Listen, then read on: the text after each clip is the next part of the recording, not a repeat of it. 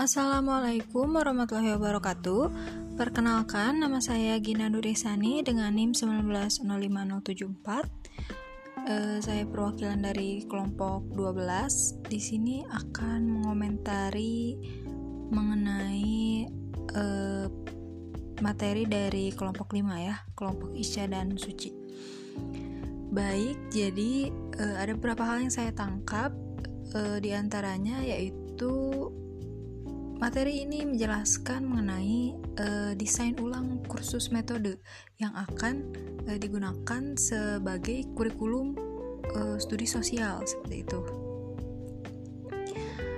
Dan di materi ini juga dijelaskan bahwa studi sosial itu untuk gagasan besar. Maksudnya apa? Jadi Gagasan besar untuk kurikulum studi sosial itu merupakan suatu prinsip atau cara di mana manusia berinteraksi satu sama lain dengan dunia mereka.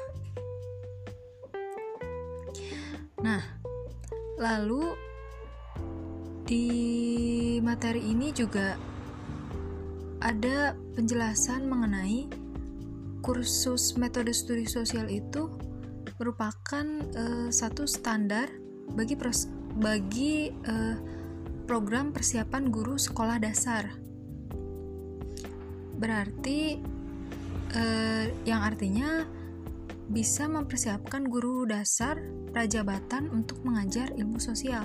Jadi mungkin maksudnya uh, ada uh, guru kalau di uh, yang saya tahu ada sebutannya magang ya guru dasar prajabatan uh, atau mungkin saya salah mohon dikoreksi itu dengan kursus metode studi sosial itu bisa mempersiapkan guru dasar prajabatan untuk mengajar ilmu sosial. Lalu eh, yang ingin saya tanyakan di sini ada hambatan, hambatan eh, IPS untuk gagasan besar. Dalam materi ini eh, hambatannya dijelaskan bahwa para guru prajabatan itu memiliki kemampuan yang berbeda untuk memberikan penjelasan terhadap ide-ide besar yang mereka saksikan dalam pengalaman lapangan mereka. Nah, di sini saya ingin uh, bertanya, uh, saya masih belum menemukan strategi uh, untuk mengatasi hambatan ini e, dan memang kalau dilihat di kenyataan di Indonesia gitu di lingkungan kita sendiri bahwa setiap guru itu memiliki kemampuan dan penjelasan yang berbeda gitu. Bahkan saat ini mungkin kita rasakan juga gitu dalam satu mata kuliah kita memiliki beberapa dosen tiga dosen bahkan eh, terkadang satu waktu eh, ketiganya itu masuk gitu. Dan ketiganya itu memiliki uh, cara penyampaian uh, berbeda-beda. Dan di materi ini dijelaskan uh, uh, berbeda berbeda-beda itu karena pengalaman lapangan mereka gitu kan. Nah jadi bagaimana cara mengatasinya gitu? Cara mengatasi hambatan hambatan IPS untuk gagasan besar itu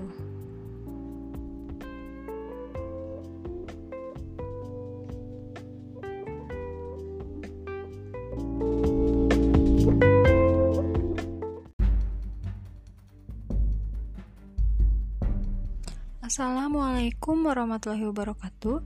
Perkenalkan saya Gina Nurisani dari kelompok 12. Di sini saya akan uh, membahas mengenai materi dari kelompok 6 yaitu kelompok Ramdan dan Lutfia yang membahas mengenai mendukung literasi kewarganegaraan. Sebelumnya uh, saya uh, mengapresiasi kelompok 6 ini karena sudah menyajikan uh, materi yang ba yang baik dengan bahasa yang mudah dipahami sehingga uh, pendengar uh, termasuk saya uh, mudah memahami materi yang sudah diberikan seperti itu. Baik, uh, berbicara mengenai literasi, uh, saya mendapat uh, sumber dari menurut data UNESCO tahun 2012 bahwa angka minat baca anak Indonesia itu hanya 0,001 persen. Artinya hanya ada satu dari seribu orang yang memiliki minat baca serius. Selain itu, ada juga berdasarkan penelitian Program for International Student Assessment atau PISA, rilisan Organization for Economic Cooperation and Development atau OECD tahun 2015 yang menunjukkan Indonesia berada pada peringkat 62 dari 70 negara respondennya anak-anak sekolah usia 15 tahun dengan sampel sekitar 540 ribu orang. Bayangkan kita berada di posisi 60 uh, eh, di posisi atau peringkat 62 dari 70 negara. Artinya 8 terbawah. Uh, sungguh uh, mendengar itu sungguh miris ya bahwa angka baca warga negara Indonesia masih cukup rendah seperti itu. Uh, meng mengenai literasi kelompok 6 kan membahasnya di Amerika walaupun tadi disinggung uh, di Indonesia sedikit sedikit-sedikit mengenai Indonesia uh, tadi kalau katanya kalau di Amerika itu karena para uh, ada peran penting dari para pendidik. Mereka menganalisis lalu hasil analisisnya dijadikan uh, kurikulum. Seperti itu kurang lebih. Sehingga mungkin jika diterapkan bisa berhasil.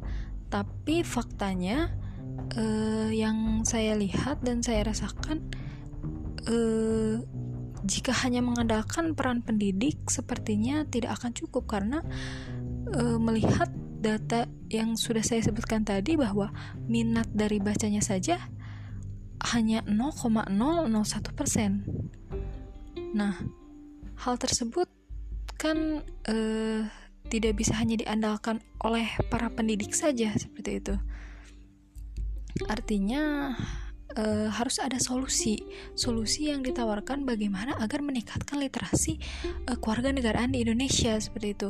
Apakah memang uh, ada beberapa hal lain yang bisa atau cocok digunakan dari materi yang dari uh, materi yang sudah kelompok 6 dapatkan dari literasi yang diterapkan Amerika? Apakah ada yang cocok untuk diterapkan di Indonesia? Karena melihat uh, tingkat tingkat literasinya sangat rendah seperti itu mungkin uh, cukup sekian dari saya Assalamualaikum warahmatullahi wabarakatuh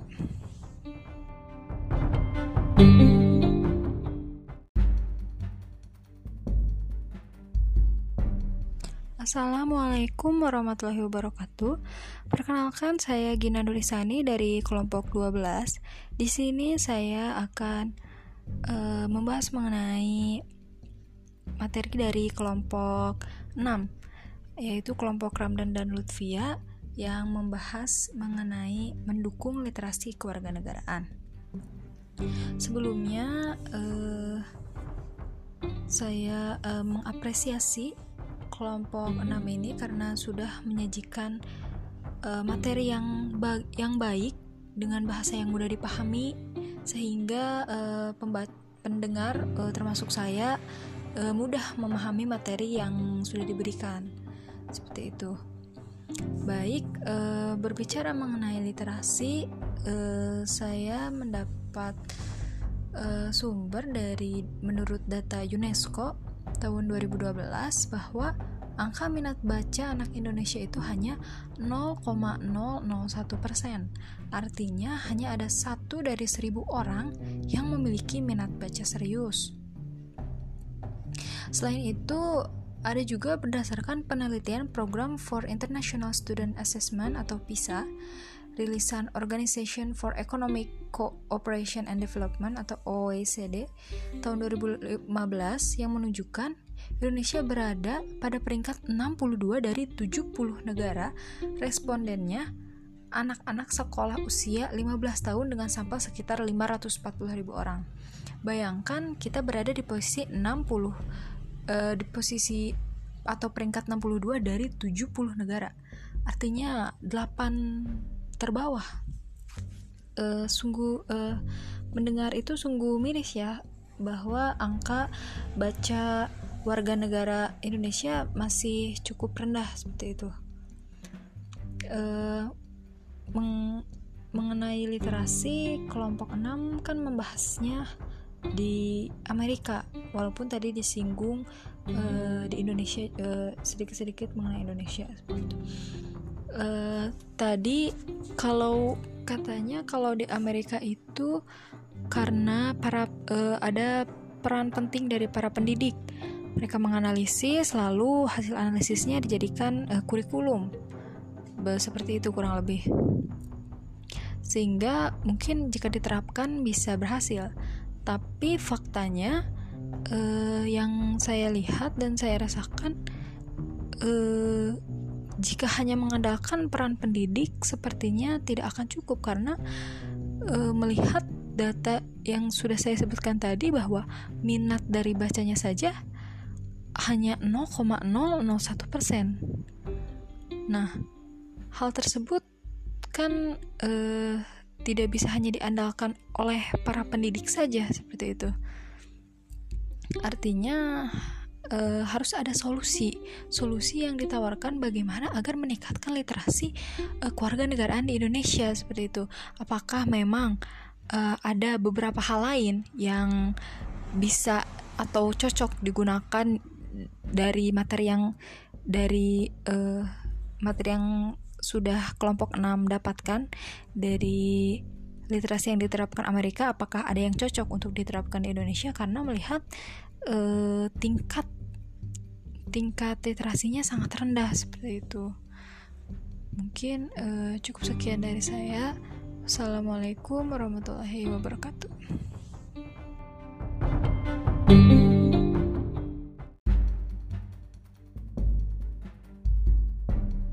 Assalamualaikum warahmatullahi wabarakatuh. Perkenalkan saya Gina Nurisani dari kelompok 12. Di sini saya akan uh, membahas mengenai materi dari kelompok 6 yaitu kelompok Ramdan dan Lutfia yang membahas mengenai mendukung literasi kewarganegaraan. Sebelumnya, eh, saya eh, mengapresiasi kelompok 6 ini karena sudah menyajikan eh, materi yang ba yang baik dengan bahasa yang mudah dipahami sehingga eh, pendengar eh, termasuk saya eh, mudah memahami materi yang sudah diberikan. Seperti itu. Baik, e, berbicara mengenai literasi, e, saya mendapat e, sumber dari menurut data UNESCO tahun 2012 bahwa angka minat baca anak Indonesia itu hanya 0,001 persen. Artinya hanya ada satu dari seribu orang yang memiliki minat baca serius.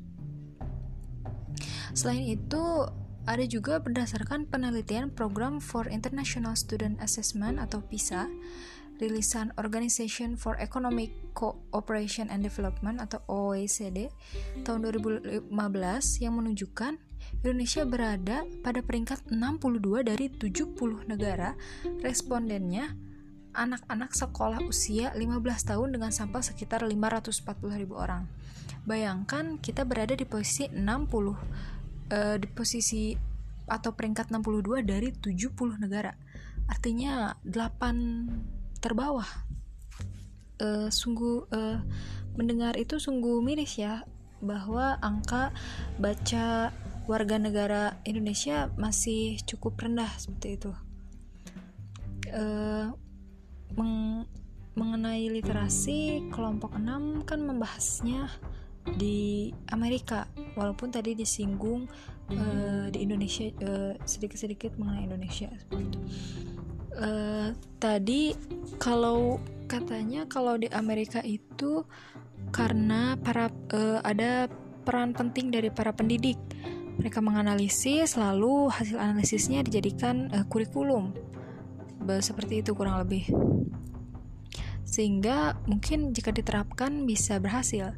Tapi faktanya uh, yang saya lihat dan saya rasakan uh, jika hanya mengandalkan peran pendidik sepertinya tidak akan cukup karena e, melihat data yang sudah saya sebutkan tadi bahwa minat dari bacanya saja hanya 0,001 persen. Nah, hal tersebut kan eh, tidak bisa hanya diandalkan oleh para pendidik saja seperti itu. Artinya e, harus ada solusi, solusi yang ditawarkan bagaimana agar meningkatkan literasi e, keluarga negaraan di Indonesia seperti itu. Apakah memang e, ada beberapa hal lain yang bisa atau cocok digunakan dari materi yang dari e, materi yang sudah kelompok 6 dapatkan dari literasi yang diterapkan Amerika? Apakah ada yang cocok untuk diterapkan di Indonesia? Karena melihat uh, tingkat tingkat literasinya sangat rendah seperti itu. Mungkin uh, cukup sekian dari saya. Assalamualaikum warahmatullahi wabarakatuh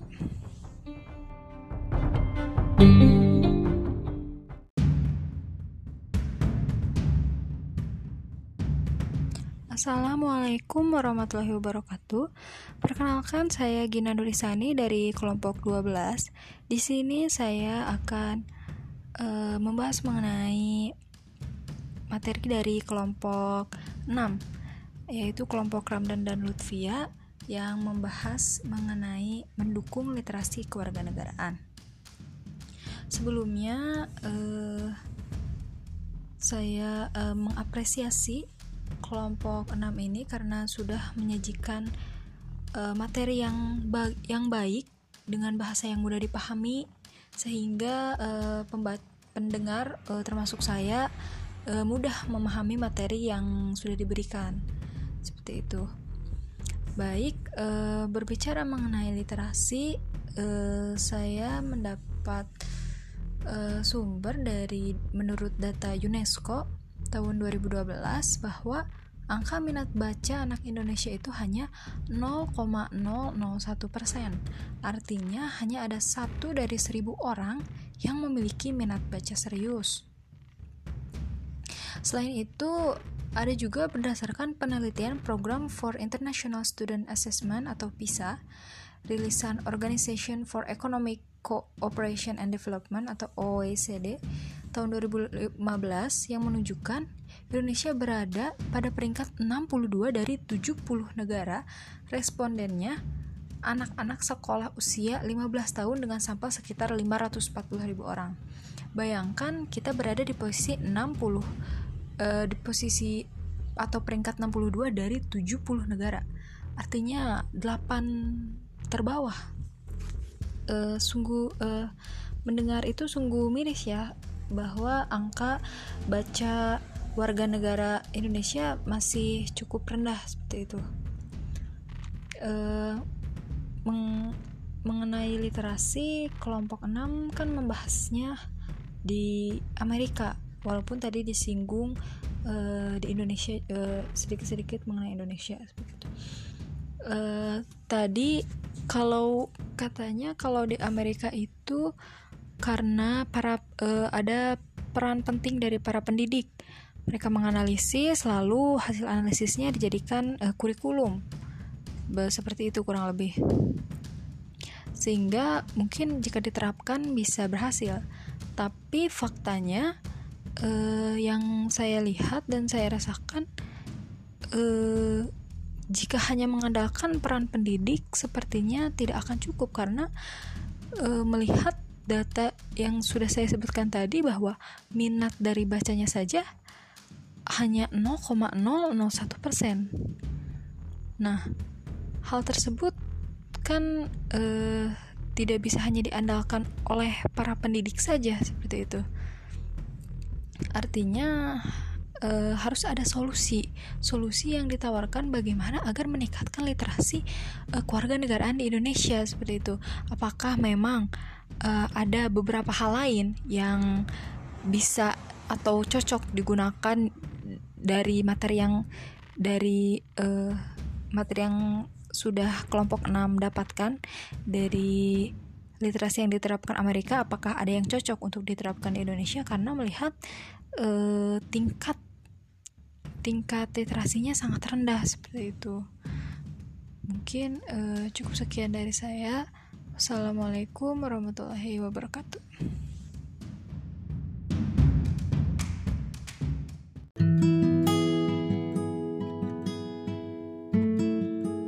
Assalamualaikum warahmatullahi wabarakatuh. Perkenalkan, saya Gina Nur Isani dengan NIM 1905074 dari kelompok 12. Di sini saya akan menanggapi uh, kelompok 7. Dia itu kelompok Dewi Aulia dan Daniel. Uh, di mana di dalam materinya terdapat uh, mengenai kon pengetahuan konten dan pengetahuan pedagogik yang uh, jika dalam Inggris content knowledge dan pedagogical knowledge atau pedagogical content knowledge. Nah, uh, jadi uh, meng mengenai materi dan pedagogik yang seharusnya dikuasai oleh seorang guru. Jadi uh, sudah dijelaskan juga oleh kelompok bahwa guru yang efektif memiliki keterpaduan antara konten dan pengetahuan pedagogis yang unik untuk pengajaran. Jadi, uh, guru tidak hanya dituntut untuk menguasai uh, materi saja seperti itu, tapi juga dituntut bagaimana cara mengajarkan materi tersebut. Nah, berbicara mengenai berbicara mengenai uh, hal tersebut, di sini di materi ini juga di disinggung beberapa program yang ditujukan untuk guru prajabatan agar menguasai uh, konten dan pedagogik pengetahuan ini. Nah, jika melihat realitasnya sekarang di Indonesia bahwa sekarang ada PPG atau program pendidikan profesi guru yang dijalani uh, untuk mendapatkan uh, lisensi atau uh, izin untuk mengajar seperti itu. Nah, tetapi uh, di program ini ternyata tidak hanya lulusan sarjana pendidikan saja yang bisa mengikutinya, tetapi uh, lulusan sarjana lainnya juga bisa mengikuti program tersebut seperti itu. Nah, bagaimana tanggapan kelompok mengenai hal tersebut? Sedangkan tadi Dewi Aulia juga sudah menjelaskan bahwa e, materi pedagogik ini tidak bisa hanya diajarkan e, hanya satu semester saja dan butuh e, pemahaman yang lebih bagi mahasiswa yang akan menjadi calon guru untuk menguasai pedagog untuk menguasai pedagogik. Sedangkan ada beberapa jurusan e, non kependidikan yang tentunya tidak uh, belajar mengenai pedagogik atau cara mengajar atau materi pengajarannya. Contoh misalnya di Univers Universitas Pajajaran ada jurusan sosiologi. Jika um, mahasiswa lulusannya ingin menjadi guru sosio sosiologi, maka mengikuti program PPG. Nah, lalu bagaimana dengan uh, jurusan pendidikan sosiologi dari UPI yang sudah jelas uh, disalurkan untuk menjadi guru dan sudah memahami uh, beberapa uh, hal-hal yang harusnya dilakukan oleh seorang guru. Hal ini bertentangan dengan adanya PPG ini gitu. Dengan adanya program ini apakah ini program yang efektif untuk membentuk guru-guru yang akan mengajarkan masa depan di Indonesia itu atau justru uh justru malah tidak efektif karena justru ada beberapa materi yang dijelaskan hanya dalam PPG saja. Sedangkan ada sedangkan di dalam jurusan kependidikan banyak uh, mereka para mahasiswanya sudah banyak menguasai materi yang sudah siap untuk dilaksanakan di lapangan sebagai seorang guru. Jadi menurut saya ada ada kontradiksi di dalam di dalam program ini gitu. Nah, melihat seperti itu bagaimana tanggapan kelompok mengenai ini? Mungkin uh, cukup sekian. Uh, sebelumnya saya juga mengapresiasi uh, dari kelompok ini uh, beberapa bahasan uh, cukup saya mengerti dengan bahasa yang mudah dipahami namun ada beberapa bahasan yang uh, kurang saya mengerti gitu. Tetapi sepertinya uh, saya bisa mengambil kesimpulan dari materi ini. Mungkin cukup sekian. Wassalamualaikum warahmatullahi wabarakatuh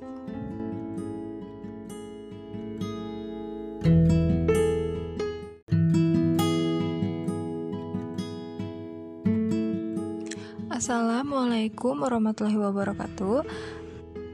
Perkenalkan, saya Gina Nur Isani dengan NIM 1905074 dari kelompok 12. Di sini saya akan menanggapi uh, kelompok 7. Dia itu kelompok Dewi Aulia dan Daniel.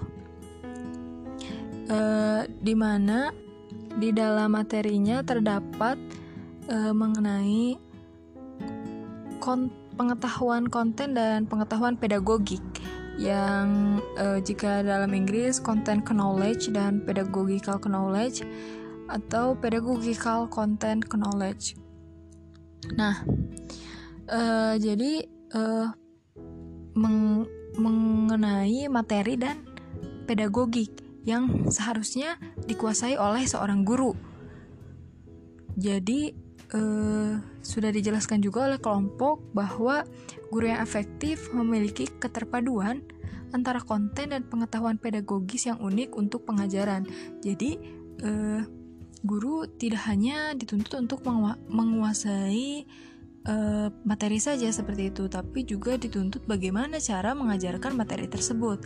Nah, berbicara mengenai berbicara mengenai uh, hal tersebut,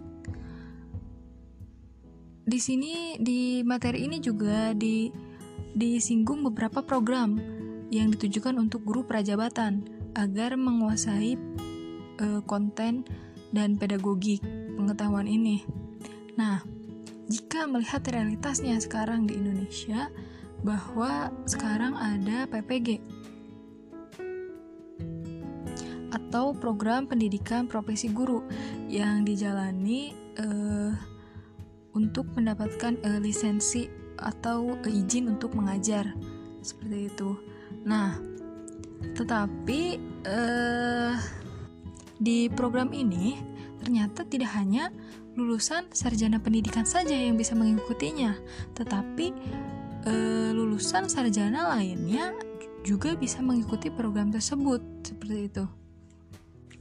Nah, bagaimana tanggapan kelompok mengenai hal tersebut? Sedangkan tadi Dewi Aulia juga sudah menjelaskan bahwa e, materi pedagogik ini tidak bisa hanya diajarkan e, hanya satu semester saja dan butuh e, pemahaman yang lebih bagi mahasiswa yang akan menjadi calon guru untuk menguasai pedagog untuk menguasai pedagogik.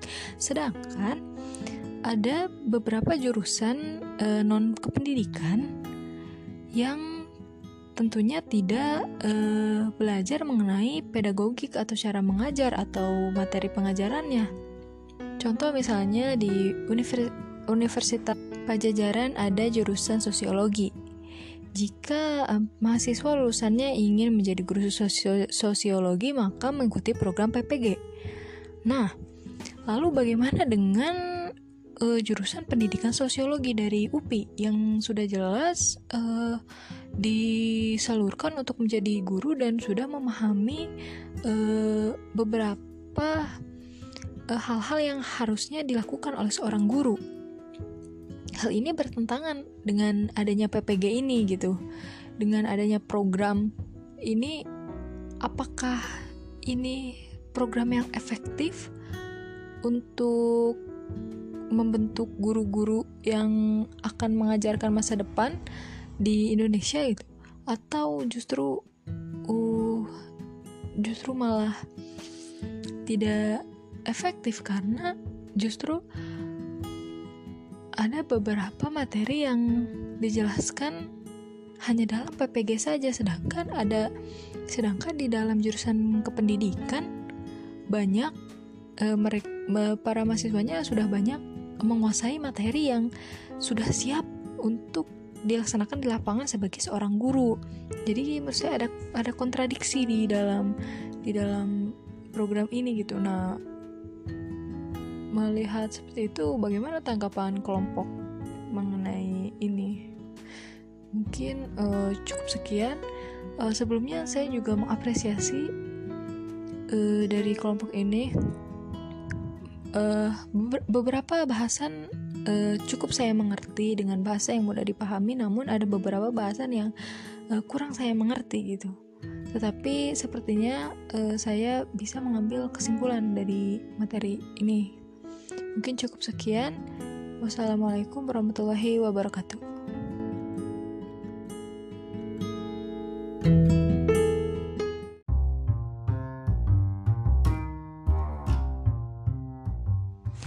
Assalamualaikum warahmatullahi wabarakatuh.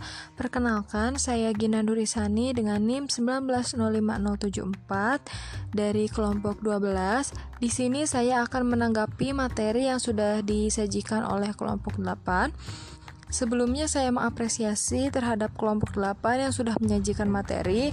Namun, masih terdapat beberapa kekurangan. Di antaranya, ada beberapa bahasa yang sulit dimengerti, bahkan eh, tidak bisa dipahami maksudnya.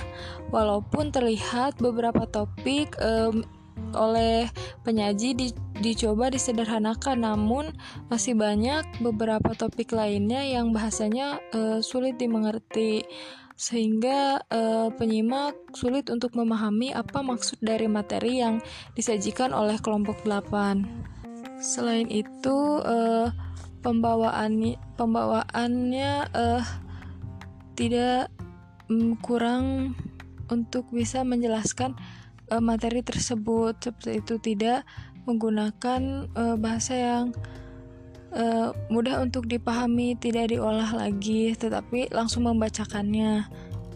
Tapi berbicara uh, mengenai materi tersebut, tadi disinggung oleh saudari Satira, uh, hal ini menjadi salah satu program uh, bagi guru-guru SD di masa depan di uh, pad pada abad 21.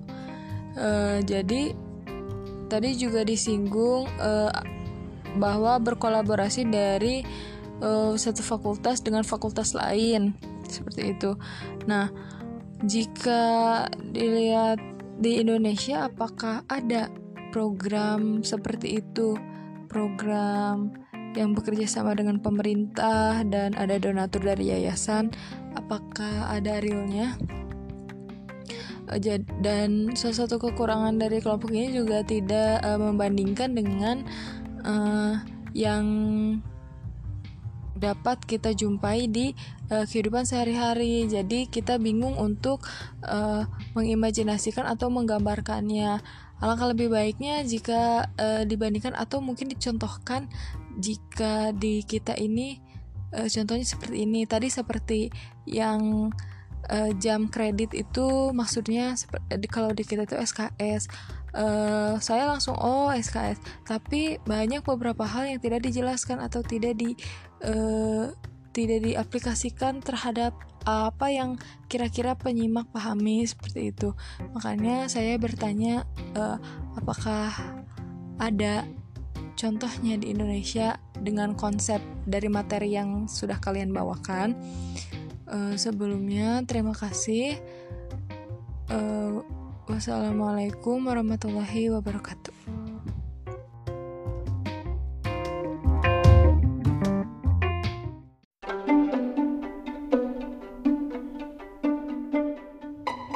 Assalamualaikum warahmatullahi wabarakatuh.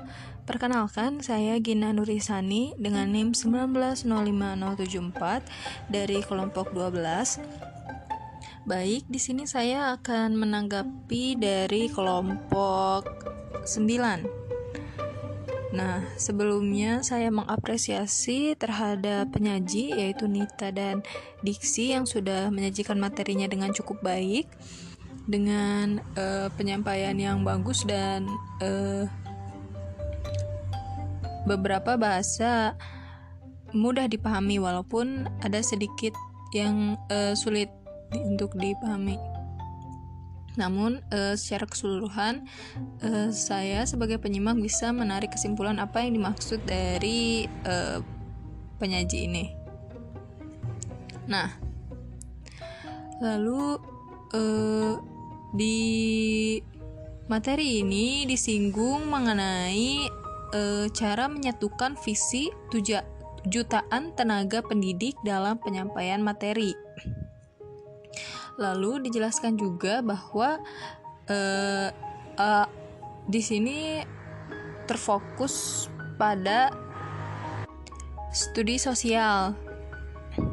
Uh, lalu dijelaskan juga bahwa yang studi sosial butuhkan yaitu penyampaian materi yang baru, cara mengajar yang baru, dan metode uh, pendidikan yang baru. Lalu, uh, jika memang uh, hal-hal tersebut didasarkan pada yang tadi sudah dijelaskan seperti uh, ditujukan untuk berpikir kritis, berkolaborasi dan bekerja sama dan lain sebagainya. Lalu bagaimana jika cara mengajar yang baru atau metode pendidikan yang baru ini tidak um, merata? Sedangkan tadi juga dijelaskan bah dijelaskan di PowerPoint bahwa e, banyak sekali jumlah pendidik tenaga pendidik di Indonesia. Nah, sedangkan e, hal itu menjadi tantangan ketika ketika kita ingin menciptakan sesuatu yang baru. Contoh misalnya e, metode pengajaran yang baru yang tentunya harus disesuaikan pada abad 21 ini. Nah, jika ada sesuatu yang baru, terkadang tidak merata atau tidak menyeluruh. Tidak semua uh, pendidik tahu dan bahkan bisa menguasai hal tersebut. Contohnya dapat kita rasakan mungkin saat SMA atau SMP atau pada saat sekolah. Mungkin uh, pada saat SMP ada misalnya ada guru PKN dan SMA juga ada guru PKN tetapi contohnya misalnya saat SMP guru PKN itu terlihat asik dan menyenangkan sehingga kita menyukai mata pelajaran tersebut tetapi berbeda saat SMA justru uh, misalnya uh, membosankan atau sehingga kita tidak tertarik pada pelajaran tersebut. Nah, jika diaplikasikan terhadap uh, eh, IPS misalnya, pada guru IPS uh, akan terlihat ada beberapa perbedaan. Ada benar uh, ada yang benar-benar menguasai cara pengajaran sehingga terlihat asik, tapi ada juga uh, pendidik lain yang tidak bisa uh, menguasai hal tersebut dan tetap menjalankan style pengajarannya dengan cara yang sudah mereka ketahui atau cara yang yang mereka uh, pahami seperti itu. Nah, bagaimana cara mengatasi itu? Uh, baik, uh, saya rasa cukup dari saya. Wassalamualaikum warahmatullahi wabarakatuh.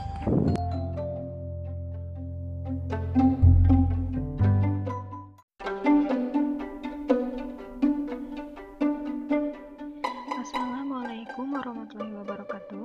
Perkenalkan, saya Gina Nur Isani, perwakilan dari kelompok 12 bersama dengan Fadli Fauzan. Di sini kami akan membahas mengenai uh, chapter report dari buku yang berjudul Rethinking Social Studies Teacher Education in the 21st Century khususnya uh, pada chapter 12 yang bertajuk Reciprocity and Relationship Urban Teacher Preparation Through Partnership. Jadi uh, pada bab ini dipaparkan mengenai hubungan kemitraan antara STHS. Setelah kami ta cari tahu, STHS itu jadi South East Teach atau mengajar negara. E, kemitraan antara STHS dengan program pendidikan guru di suatu universitas. Nah, jadi e, hubungan kemitraan atau kerjasama ini mendukung peningkatan pengajaran, penempatan, rekrutmen, dan retensi calon guru berkualitas tinggi. Seperti itu. Jadi, eh, sebelumnya kami mohon maaf eh, jika ada yang kurang dimengerti karena memang dari bahasanya ada banyak beberapa yang uh, kami kurang mengerti. Jadi uh, di sini saya akan membuat uh, bahasanya lebih mudah dan lebih simpel untuk dipahami. Baik, jika melihat dari uh, materi yang disampaikan pada bab ini, yang pertama disebutkan uh, mengenai apa yang terjadi sebelum kemitraan dengan STHS atau apa yang terjadi sebelum adanya kerjasama dengan STHS. Jadi, sebelum adanya kerjasama dengan STHS, calon guru itu mengalami pengalaman praktikum yang singkat, di mana mereka menghabiskan 6-8 minggu di sekolah. Nah, Selama waktu ini, calon guru diperintahkan untuk menghabiskan waktu minimal mengamati guru mereka yang bekerja sama, kira-kira satu atau dua minggu. Dari sana, calon guru menerima sebanyak mungkin pengajaran. Jadi, sebelum adanya kerjasama dengan STHS, para calon guru ini uh, hanya diperintahkan untuk mengamati guru mereka yang bekerja sama. Jadi, uh, di satu kelas itu kan atau di satu sekolah itu kan tidak hanya ada satu guru saja, ada beberapa guru yang memang sudah ada di kelas atau sekolah itu. Nah, calon-calon guru ini pasti akan mengadakan kerjasama dengan calon uh, dengan calon guru tersebut. Jadi pada intinya, sebelum diadakannya hubungan kerjasama dengan STHS, pada para calon guru itu hanya mengamati uh, guru uh, seniornya, istilahnya guru seniornya cara mengajar dari guru seniornya. Nah, lalu selanjutnya ada peran hubungan kemitraan di STHS. Tujuan dari penghubung kemitraan ini adalah untuk memfasilitasi dan mendukung jembatan antara pengetahuan dunia nyata dengan pengetahuan teori. Nah, lalu eh, di sini di universitas ini tuh Eh, lebih terfokus pada studi sosial. Nah, program lisensi awal studi sosial ini mendukung hubungan kemitraan di STHS dan memanfaatkan peran untuk inisiatif percontohan yang akan mengubah pengalaman lapangan untuk calon guru IPS. Nah, jadi eh, pada program studi sosial ini percaya bahwa pengalaman lapangan bisa dan harus lebih efektif daripada saat itu. Lalu kita beralih selanjutnya setelah mengetahui peran hubungan kemitraan di STHS, lalu lanjut pada penempatan. Nah, sebelum bermitra dengan STHS, program lisensi awal studi sosial menemukan kesulitan untuk menempatkan calon-calon gurunya. Program pendidikan guru mengharapkan guru yang bekerja sama untuk memodelkan praktik mengajar mereka kepada calon guru mereka dan memandang praktik itu sebagai elemen mendasar dari pendampingan guru yang bekerja sama. Tetapi ada beberapa konsekuensi dari uh, tindakan tersebut, yaitu adanya perubahan dalam otonomi dan kontrol guru kelas, adanya selingan dari tujuan utama guru kelas, dan e, pembelajaran murid-muridnya. Berbicara mengenai penempatan, koordinator penempatan lapangan e, di sini di, di sini dikatakan bahwa sering mendapati dirinya terburu-buru menempatkan calon guru di ruang kelas perkotaan. Nah, tetapi dengan terciptanya posisi penghubung atau kemitraan atau kerjasama di STHS, penempatan menjadi eh, masalah kemitraan. Jadi tidak eh, jadi kemitraan yang bertanggung jawab atas penempatan. Penempatan tidak lagi hanya ditentukan oleh kualitas, minat, atau ke ketersediaan guru yang bekerja sama, tetapi juga kapasitas potensial bagi calon guru untuk berhasil dalam pengaturan beragam selama pengalaman lapangan dan dari luar. Nah, guru yang bekerja sama dengan STHS mengadopsi model pengajaran bersama untuk pengajaran siswa daripada menyerahkan kelas kepada calon guru hanya beberapa minggu ke dalam pengalaman mengajar siswa. Guru yang bekerja sama dengan STHS memulai model model pengajaran kolaboratif, menekankan mentoring berbasis hubungan, strategi pengajaran bersama yang dibagikan dan disengaja serta perencanaan bersama. Jadi seperti ini. Uh, ketika sudah melakukan hubungan kemitraan dengan STHS eh, biasanya kalau kita lihat realnya eh, kadang misalnya ada eh, calon guru misalnya kita bisa sebut ada juga sebutannya magang guru lagi magang. Nah apa sih? PPL PPL nah kadang saat kita lihat guru PPL dan guru aslinya maksudnya ada, dua guru ada memang guru yang bekerja di sana dan ada guru PPL kadang guru PPL harus mengikuti apa yang uh, guru itu uh, model pengajaran yang guru yang sebelumnya gitu. Jadi guru PPL tidak bisa mengekspresikan bagaimana model pengajaran menurut dirinya sendiri. Nah berbeda dengan jika sudah melakukan kerjasama kemitraan dengan STHS. Jadi, calon guru maupun dengan guru pengajar itu melakukan kerjasama dan kolaboratif mengenai model pengajaran yang akan dilakukan dalam kelas. Lalu, ada dampak kemitraan pada studi sosial.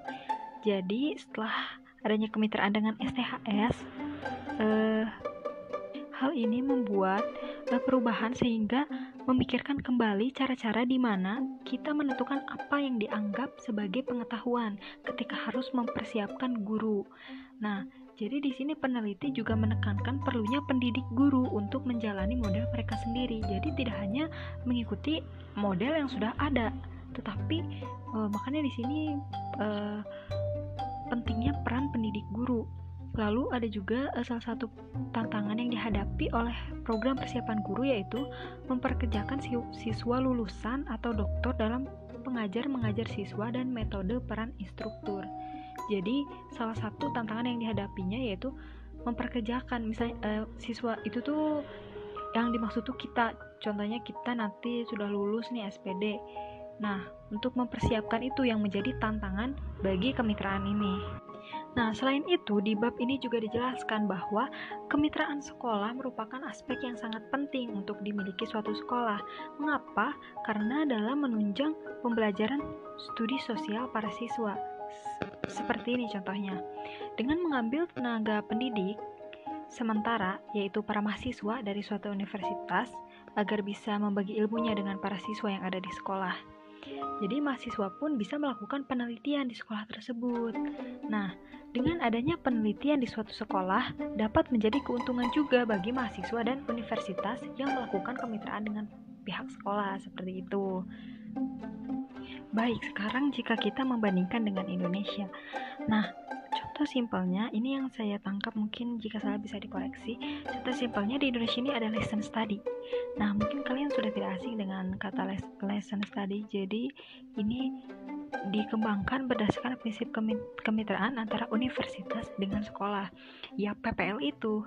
Jadi, yang tadi sudah saya sebutkan, mahasiswa mendapat keuntungan untuk bisa mendapatkan penelitian dan siswa juga mendapatkan ilmu yang sudah didapatkan dari mahasiswa atau calon guru tersebut. Nah, pada intinya pola kemitraan lesson study ini menyediakan kesempatan bagi calon guru untuk memahami the teaching culture dan the knowledge of teaching untuk menumbuhkan Kizuna. Nah, jadi selain untuk penelitian, para calon guru atau para mahasiswa calon guru ini akan memahami bagaimana uh, budaya mengajar dan bagaimana dan mendapatkan pengetahuan dalam mengajar.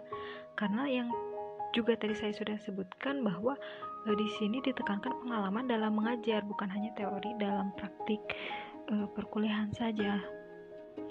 Nah, berbicara de, berbicara mengenai uh, Indonesia, permasalahan yang dihadapi oleh guru dalam pendidikan Indonesia itu hampir sama dengan yang diterangkan di buku yang sedang kami bahas ini, yaitu salah satunya kurangnya wawasan guru dalam pembelajaran praktik karena kurangnya pengalaman dalam pengajaran dan cenderung selalu teoritis.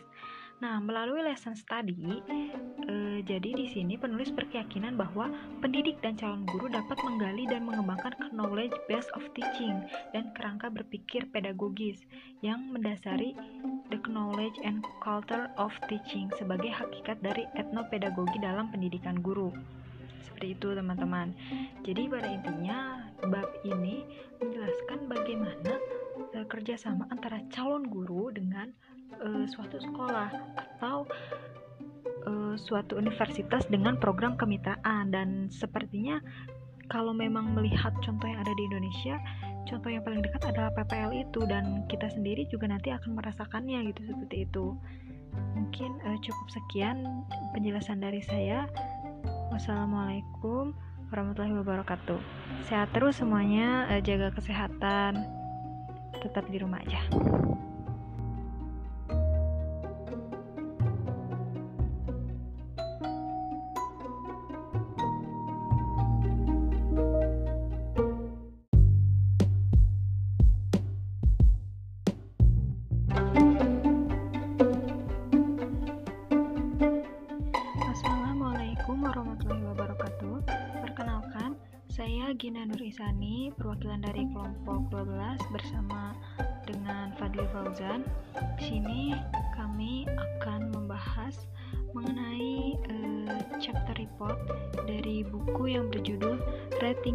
Social Studies Teacher Education in the 21st Century khususnya pada chapter 12 yang bertajuk Reciprocity and Relationship Urban Teacher Preparation Through Partnership. Jadi uh, pada bab ini dipaparkan mengenai hubungan kemitraan antara STHS. Setelah kami cari tahu STHS itu jadi South His Teach atau mengajar negara. Uh, kemitraan antara STHS dengan program pendidikan guru di suatu universitas. Nah, jadi uh, Hubungan kemitraan atau kerjasama ini mendukung peningkatan pengajaran, penempatan, rekrutmen, dan retensi calon guru berkualitas tinggi. Seperti itu. Jadi eh, sebelumnya kami mohon maaf eh, jika ada yang kurang dimengerti karena memang dari bahasanya ada banyak beberapa yang uh, kami kurang mengerti. Jadi uh, di sini saya akan membuat uh, bahasanya lebih mudah dan lebih simpel untuk dipahami. Baik, jika melihat dari uh, materi yang disampaikan pada bab ini, yang pertama disebutkan uh, mengenai apa yang terjadi sebelum kemitraan dengan STHS atau apa yang terjadi sebelum adanya kerjasama dengan STHS. Jadi, sebelum adanya kerjasama dengan STHS, calon guru itu mengalami pengalaman praktikum yang singkat, di mana mereka menghabiskan 6-8 minggu di sekolah. Nah, Selama waktu ini, calon guru diperintahkan untuk menghabiskan waktu minimal mengamati guru mereka yang bekerja sama, kira-kira satu atau dua minggu. Dari sana, calon guru menerima sebanyak mungkin pengajaran. Jadi, sebelum adanya kerjasama dengan STHS, para calon guru ini uh, hanya diperintahkan untuk mengamati guru mereka yang bekerja sama. Jadi, uh, di satu kelas itu kan atau di satu sekolah itu kan tidak hanya ada satu guru saja, ada beberapa guru yang memang sudah ada di kelas atau sekolah itu. Nah, calon-calon guru ini pasti akan mengadakan kerjasama dengan calon uh, dengan calon guru tersebut. Jadi pada intinya, sebelum diadakannya hubungan kerjasama dengan STHS, pada para calon guru itu hanya mengamati uh, guru uh, seniornya, istilahnya guru seniornya, cara mengajar dari guru seniornya. Nah, lalu selanjutnya ada peran hubungan kemitraan di STHS. Tujuan dari penghubung kemitraan ini adalah untuk memfasilitasi dan mendukung jembatan antara pengetahuan dunia nyata dengan pengetahuan teori. Nah, lalu uh, di sini di universitas ini tuh uh, lebih terfokus pada studi sosial. Nah, program lisensi awal studi sosial ini mendukung hubungan kemitraan di STHS dan memanfaatkan peran untuk inisiatif percontohan yang akan mengubah pengalaman lapangan untuk calon guru IPS. Nah, jadi eh, pada program studi sosial ini percaya bahwa pengalaman lapangan bisa dan harus lebih efektif daripada saat itu.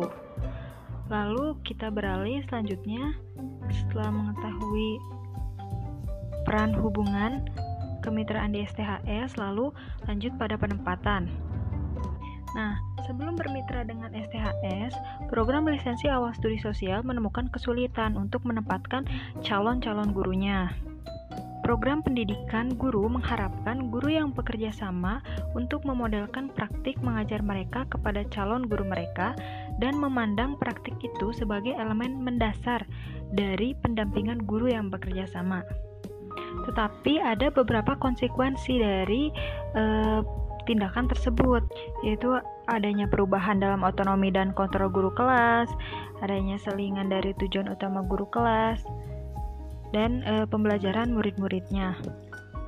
Berbicara mengenai penempatan, koordinator penempatan lapangan e, di sini di, di sini dikatakan bahwa sering mendapati dirinya terburu-buru menempatkan calon guru di ruang kelas perkotaan.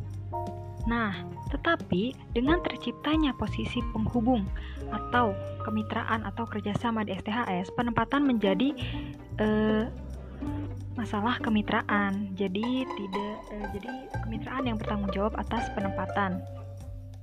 Penempatan tidak lagi hanya ditentukan oleh kualitas, minat, atau ketersediaan guru yang bekerja sama, tetapi juga kapasitas potensial bagi calon guru untuk berhasil dalam pengaturan beragam selama pengalaman lapangan dan dari luar. Nah, guru yang bekerja sama dengan STHS mengadopsi model pengajaran bersama untuk pengajaran siswa daripada menyerahkan kelas kepada calon guru hanya beberapa minggu ke dalam pengalaman mengajar siswa. Guru yang bekerja sama dengan STHS memulai model model pengajaran kolaboratif, menekankan mentoring berbasis hubungan, strategi pengajaran bersama yang dibagikan dan disengaja serta perencanaan bersama. Jadi seperti ini. Uh, ketika sudah melakukan hubungan kemitraan dengan STHS, eh, biasanya kalau kita lihat realnya, eh, kadang misalnya ada eh, calon guru, misalnya kita bisa sebut ada juga sebutannya magang guru lagi magang. Nah, apa sih PPL PPL? Nah, kadang saat kita lihat guru PPL dan guru aslinya maksudnya ada, ada dua guru ada memang guru yang bekerja di sana dan ada guru PPL kadang guru PPL harus mengikuti apa yang uh, guru itu uh, model pengajaran yang guru yang sebelumnya gitu jadi guru PPL tidak bisa mengekspresikan bagaimana model pengajaran menurut dirinya sendiri. Nah, berbeda dengan jika sudah melakukan kerjasama kemitraan dengan STHS. Jadi, calon guru maupun dengan guru pengajar itu melakukan kerjasama dan kolaboratif mengenai model pengajaran yang akan dilakukan dalam kelas. Lalu, ada dampak kemitraan pada studi sosial. Jadi, setelah adanya kemitraan dengan STHS, eh, hal ini membuat perubahan sehingga memikirkan kembali cara-cara di mana kita menentukan apa yang dianggap sebagai pengetahuan ketika harus mempersiapkan guru. Nah, jadi di sini peneliti juga menekankan perlunya pendidik guru untuk menjalani model mereka sendiri. Jadi tidak hanya mengikuti model yang sudah ada, tetapi uh, makanya di sini uh, pentingnya peran pendidik guru Lalu ada juga uh, salah satu tantangan yang dihadapi oleh program persiapan guru yaitu memperkerjakan siswa lulusan atau doktor dalam pengajar mengajar siswa dan metode peran instruktur. Jadi salah satu tantangan yang dihadapinya yaitu memperkerjakan misalnya uh, siswa itu tuh yang dimaksud tuh kita contohnya kita nanti sudah lulus nih SPD Nah, untuk mempersiapkan itu yang menjadi tantangan bagi kemitraan ini. Nah, selain itu, di bab ini juga dijelaskan bahwa kemitraan sekolah merupakan aspek yang sangat penting untuk dimiliki suatu sekolah. Mengapa? Karena dalam menunjang pembelajaran studi sosial para siswa. Seperti ini contohnya. Dengan mengambil tenaga pendidik sementara, yaitu para mahasiswa dari suatu universitas, agar bisa membagi ilmunya dengan para siswa yang ada di sekolah. Jadi mahasiswa pun bisa melakukan penelitian di sekolah tersebut. Nah, dengan adanya penelitian di suatu sekolah dapat menjadi keuntungan juga bagi mahasiswa dan universitas yang melakukan kemitraan dengan pihak sekolah seperti itu. Baik, sekarang jika kita membandingkan dengan Indonesia. Nah, contoh simpelnya ini yang saya tangkap mungkin jika salah bisa dikoreksi contoh simpelnya di Indonesia ini ada lesson study nah mungkin kalian sudah tidak asing dengan kata lesson study jadi ini dikembangkan berdasarkan prinsip kemitraan antara universitas dengan sekolah ya PPL itu. Jadi yang tadi sudah saya sebutkan mahasiswa mendapat keuntungan untuk bisa mendapatkan penelitian dan siswa juga mendapatkan ilmu yang sudah didapatkan dari mahasiswa atau calon guru tersebut. Nah, pada intinya pola kemitraan lesson study ini menyediakan kesempatan bagi calon guru untuk memahami the teaching culture dan the knowledge of teaching untuk menumbuhkan kizuna. Nah, jadi selain untuk penelitian, para calon guru atau para mahasiswa calon guru ini akan memahami bagaimana uh, budaya mengajar dan bagaimana dan mendapatkan pengetahuan dalam mengajar. Karena yang juga tadi saya sudah sebutkan bahwa e, di sini ditekankan pengalaman dalam mengajar bukan hanya teori dalam praktik e, perkuliahan saja. Nah, berbicara de, berbicara mengenai e, Indonesia, permasalahan yang dihadapi oleh guru dalam pendidikan Indonesia itu hampir sama dengan yang diterangkan di buku yang sedang kami bahas ini, yaitu salah satunya kurangnya wawasan guru dalam pembelajaran praktik karena kurangnya pengalaman dalam pengajaran dan cenderung selalu teoritis. Nah, melalui lesson study, eh, jadi di sini penulis berkeyakinan bahwa pendidik dan calon guru dapat menggali dan mengembangkan knowledge base of teaching dan kerangka berpikir pedagogis yang mendasari the knowledge and culture of teaching sebagai hakikat dari etnopedagogi dalam pendidikan guru. Seperti itu, teman-teman. Jadi pada intinya bab ini menjelaskan bagaimana uh, kerjasama antara calon guru dengan uh, suatu sekolah atau uh, suatu universitas dengan program kemitraan. Dan sepertinya kalau memang melihat contoh yang ada di Indonesia contoh yang paling dekat adalah PPL itu dan kita sendiri juga nanti akan merasakannya gitu seperti itu. Mungkin uh, cukup sekian penjelasan dari saya. Wassalamualaikum warahmatullahi wabarakatuh. Sehat terus semuanya uh, jaga kesehatan tetap di rumah aja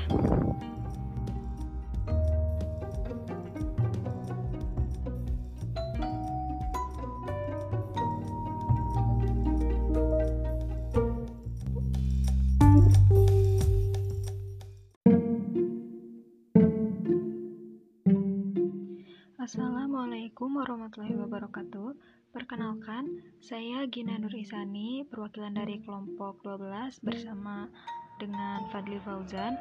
Di sini kami akan membahas mengenai uh, chapter report dari buku yang berjudul Rethinking Social Studies Teacher Education in the 21st Century khususnya uh, pada chapter 12 yang bertajuk Reciprocity and Relationship, Urban Teacher Preparation Through Partnership. Jadi, eh, pada bab ini dipaparkan mengenai hubungan kemitraan antara STHS. Setelah kami ta cari tahu, STHS itu jadi Southeast Teach atau mengajar Tenggara. Eh, kemitraan antara STHS dengan program pendidikan guru di suatu universitas. Nah, jadi, eh, hubungan kemitraan atau kerjasama ini mendukung peningkatan pengajaran, penempatan, rekrutmen, dan retensi calon guru berkualitas tinggi. Seperti itu.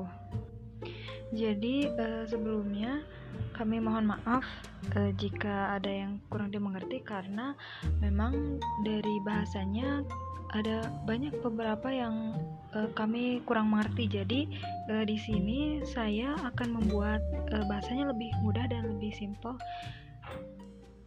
untuk dipahami. Baik, jika melihat dari uh, materi yang disampaikan pada bab ini, yang pertama disebutkan uh, mengenai apa yang terjadi sebelum kemitraan dengan STHS atau apa yang terjadi sebelum adanya kerjasama dengan STHS. Jadi, sebelum adanya kerjasama dengan STHS, calon guru itu mengalami pengalaman praktikum yang singkat, di mana mereka menghabiskan 6-8 minggu di sekolah. Nah, Selama waktu ini, calon guru diperintahkan untuk menghabiskan waktu minimal mengamati guru mereka yang bekerja sama, kira-kira satu atau dua minggu. Dari sana, calon guru menerima sebanyak mungkin pengajaran. Jadi, sebelum adanya kerjasama dengan STHS, para calon guru ini uh, hanya diperintahkan untuk mengamati guru mereka yang bekerja sama. Jadi, uh, di satu kelas itu kan atau di satu sekolah itu kan tidak hanya ada satu guru saja, ada beberapa guru yang memang sudah ada di kelas atau sekolah itu. Nah, calon-calon guru ini pasti akan mengadakan kerjasama dengan calon uh, dengan calon guru tersebut. Jadi pada intinya, sebelum diadakannya hubungan kerjasama dengan STHS, pada para calon guru itu hanya mengamati uh, guru uh, seniornya, istilahnya guru seniornya cara mengajar dari guru seniornya. Nah, lalu selanjutnya ada peran hubungan kemitraan di STHS. Tujuan dari penghubung kemitraan ini adalah untuk memfasilitasi dan mendukung jembatan antara pengetahuan dunia nyata dengan pengetahuan teori. Nah, lalu uh, di sini di universitas ini tuh Eh, lebih terfokus pada studi sosial. Nah, program lisensi awal studi sosial ini mendukung hubungan kemitraan di STHS dan memanfaatkan peran untuk inisiatif percontohan yang akan mengubah pengalaman lapangan untuk calon guru IPS.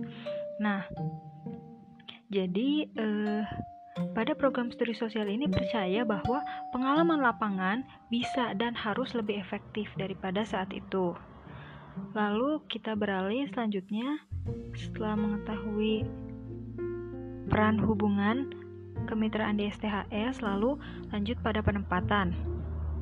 Nah, sebelum bermitra dengan STHS, program lisensi awal studi sosial menemukan kesulitan untuk menempatkan calon-calon gurunya.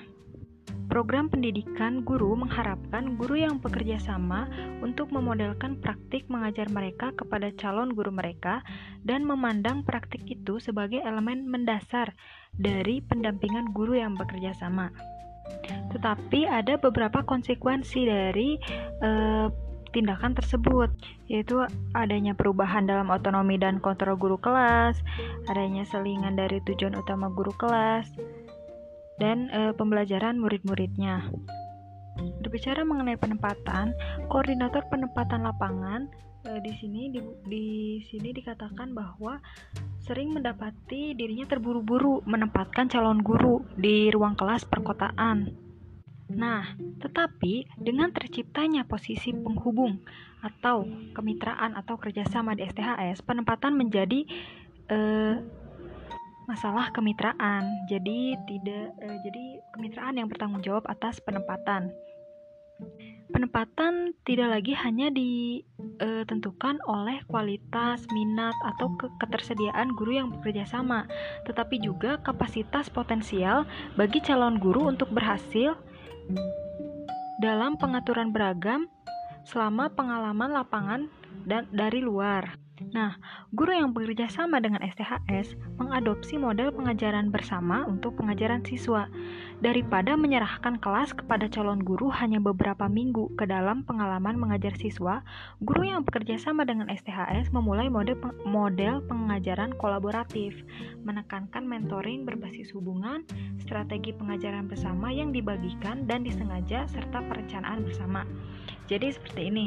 Uh, ketika sudah melakukan hubungan kemitraan dengan STHS, e, biasanya kalau kita lihat realnya, e, kadang misalnya ada e, calon guru, misalnya kita bisa sebut ada juga sebutannya magang guru lagi magang. Nah, apa sih PPL PPL? Nah, kadang saat kita lihat guru PPL dan guru aslinya maksudnya ada dua guru ada memang guru yang bekerja di sana dan ada guru PPL kadang guru PPL harus mengikuti apa yang uh, guru itu uh, model pengajaran yang guru yang sebelumnya gitu jadi guru PPL tidak bisa mengekspresikan bagaimana model pengajaran menurut dirinya sendiri. Nah, berbeda dengan jika sudah melakukan kerjasama kemitraan dengan STHS. Jadi, calon guru maupun dengan guru pengajar itu melakukan kerjasama dan kolaboratif mengenai model pengajaran yang akan dilakukan dalam kelas. Lalu, ada dampak kemitraan pada studi sosial. Jadi, setelah adanya kemitraan dengan STHS, eh, Hal ini membuat uh, perubahan sehingga memikirkan kembali cara-cara di mana kita menentukan apa yang dianggap sebagai pengetahuan ketika harus mempersiapkan guru. Nah, jadi di sini peneliti juga menekankan perlunya pendidik guru untuk menjalani model mereka sendiri. Jadi tidak hanya mengikuti model yang sudah ada, tetapi uh, makanya di sini uh, pentingnya peran pendidik guru. Lalu ada juga uh, salah satu tantangan yang dihadapi oleh program persiapan guru yaitu memperkerjakan siswa lulusan atau doktor dalam pengajar mengajar siswa dan metode peran instruktur. Jadi, salah satu tantangan yang dihadapinya yaitu memperkerjakan. Misalnya uh, siswa itu tuh yang dimaksud tuh kita. Contohnya kita nanti sudah lulus nih SPD nah untuk mempersiapkan itu yang menjadi tantangan bagi kemitraan ini Nah, selain itu, di bab ini juga dijelaskan bahwa kemitraan sekolah merupakan aspek yang sangat penting untuk dimiliki suatu sekolah. Mengapa? Karena dalam menunjang pembelajaran studi sosial para siswa. Seperti ini contohnya. Dengan mengambil tenaga pendidik, sementara yaitu para mahasiswa dari suatu universitas agar bisa membagi ilmunya dengan para siswa yang ada di sekolah. Jadi mahasiswa pun bisa melakukan penelitian di sekolah tersebut. Nah, dengan adanya penelitian di suatu sekolah dapat menjadi keuntungan juga bagi mahasiswa dan universitas yang melakukan kemitraan dengan pihak sekolah seperti itu. Baik, sekarang jika kita membandingkan dengan Indonesia. Nah, contoh simpelnya, ini yang saya tangkap mungkin jika salah bisa dikoreksi. Contoh simpelnya di Indonesia ini ada lesson study. Nah, mungkin kalian sudah tidak asing dengan kata lesson study. Jadi, ini dikembangkan berdasarkan prinsip kemitraan antara universitas dengan sekolah. Ya, PPL itu. Jadi, yang tadi sudah saya sebutkan, mahasiswa mendapat keuntungan untuk bisa mendapatkan penelitian dan siswa juga mendapatkan ilmu yang sudah didapatkan dari mahasiswa atau calon guru tersebut. Nah, pada intinya pola kemitraan lesson study ini menyediakan kesempatan bagi calon guru untuk memahami the teaching culture dan the knowledge of teaching untuk menumbuhkan kizuna. Nah, jadi selain untuk penelitian, para calon guru atau para mahasiswa calon guru ini akan memahami bagaimana uh, budaya mengajar dan bagaimana dan mendapatkan pengetahuan dalam mengajar. Karena yang juga tadi saya sudah sebutkan bahwa uh, di sini ditekankan pengalaman dalam mengajar bukan hanya teori dalam praktik uh, perkuliahan saja. Nah, berbicara de, berbicara mengenai e, Indonesia, permasalahan yang dihadapi oleh guru dalam pendidikan Indonesia itu hampir sama dengan yang diterangkan di buku yang sedang kami bahas ini, yaitu salah satunya kurangnya wawasan guru dalam pembelajaran praktik karena kurangnya pengalaman dalam pengajaran dan cenderung selalu teoritis. Nah, melalui lesson study, E, jadi di sini penulis berkeyakinan bahwa pendidik dan calon guru dapat menggali dan mengembangkan knowledge base of teaching dan kerangka berpikir pedagogis yang mendasari the knowledge and culture of teaching sebagai hakikat dari etnopedagogi dalam pendidikan guru. Seperti itu teman-teman. Jadi pada intinya bab ini menjelaskan bagaimana uh, kerjasama antara calon guru dengan uh, suatu sekolah atau uh, suatu universitas dengan program kemitraan dan sepertinya kalau memang melihat contoh yang ada di Indonesia, contoh yang paling dekat adalah PPL itu dan kita sendiri juga nanti akan merasakannya gitu seperti itu. Mungkin uh, cukup sekian penjelasan dari saya. Wassalamualaikum warahmatullahi wabarakatuh. Sehat terus semuanya, uh, jaga kesehatan, tetap di rumah aja.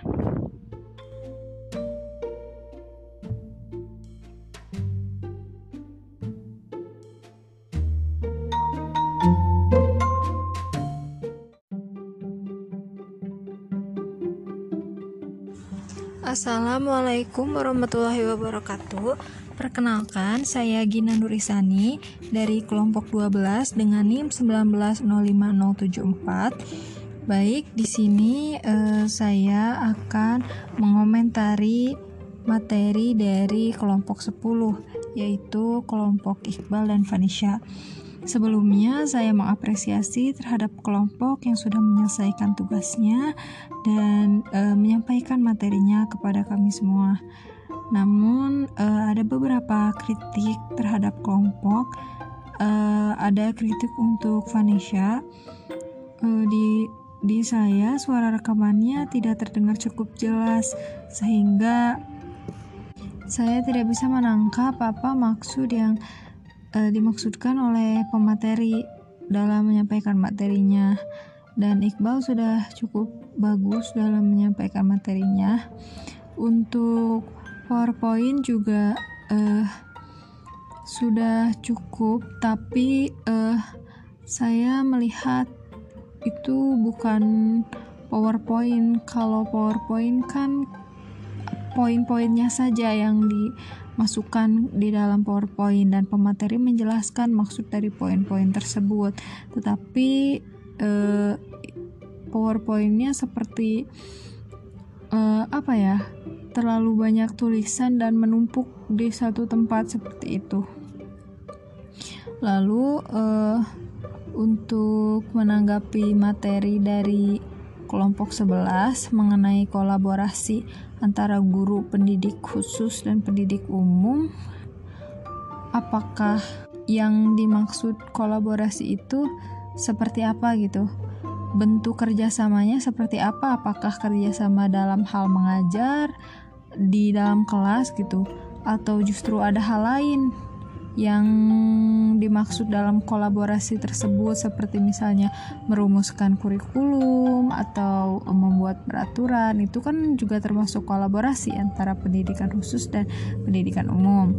Nah, apakah ada maksud lain dari uh, materi tersebut atau memang ditujukan untuk uh, yang seperti Iqbal katakan untuk uh, studi sosial IPS gitu. Jadi kolaborasi antara pendidikan khusus dan pendidik umum. Jika memang itu maksudnya uh, apa apa kiranya yang contoh yang paling nyatanya yang bisa saya uh, tangkap dari kolaborasi antara pendidik khusus dan pendidik uh, umum tersebut. Mungkin uh, cukup sekian dari saya. Kurang lebihnya mohon dimaafkan, tetap semangat untuk kelompok 10 eh, dan semoga semuanya sehat selalu. Wassalamualaikum warahmatullahi wabarakatuh.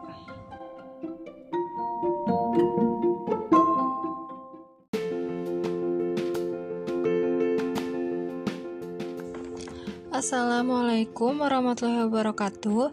Perkenalkan, saya Gina Nurisani dari kelompok 12 dengan NIM 1905074. Baik, di sini saya akan menanggapi materi yang diberikan oleh kelompok 11, yaitu kelompok Banafsaj dan e, Rotu. Sebelumnya saya mengapresiasi terhadap kelompok karena sudah menyampaikan materinya kepada kita semua. Uh, saya juga mengapresiasi terhadap podcast yang sudah dibuat dengan cukup baik, dengan sangat baik.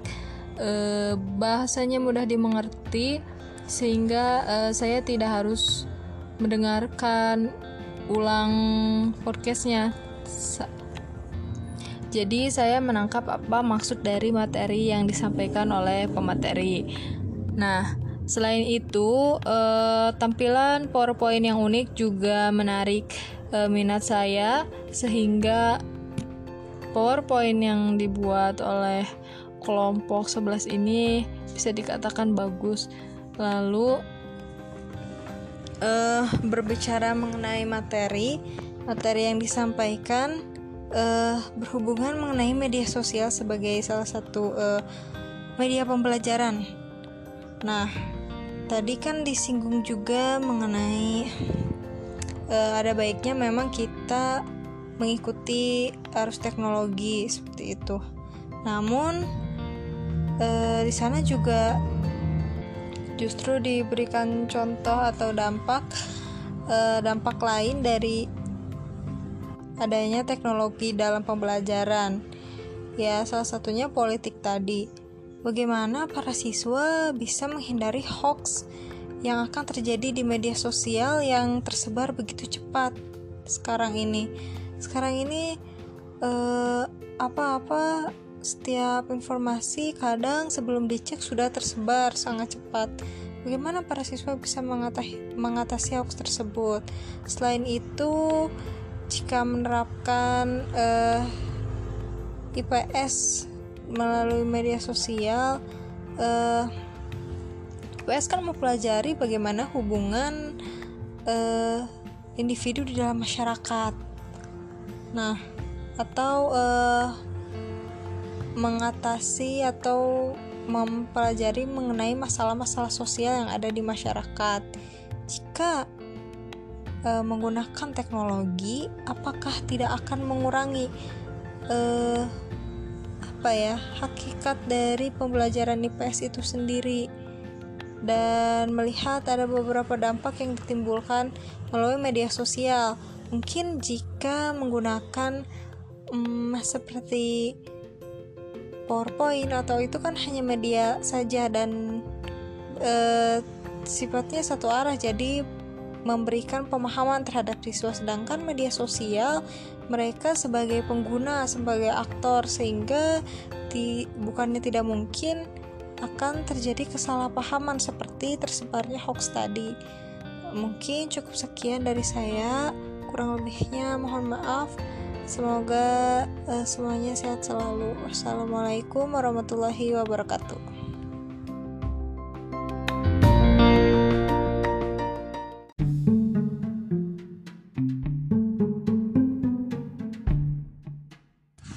Assalamualaikum warahmatullahi wabarakatuh.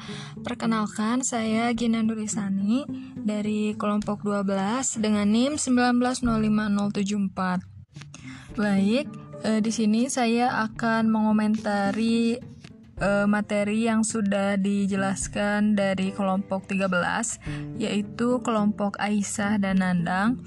Uh, sebelumnya saya mengapresiasi terhadap pemateri yang sudah menjelaskan materinya uh, kepada kami semua.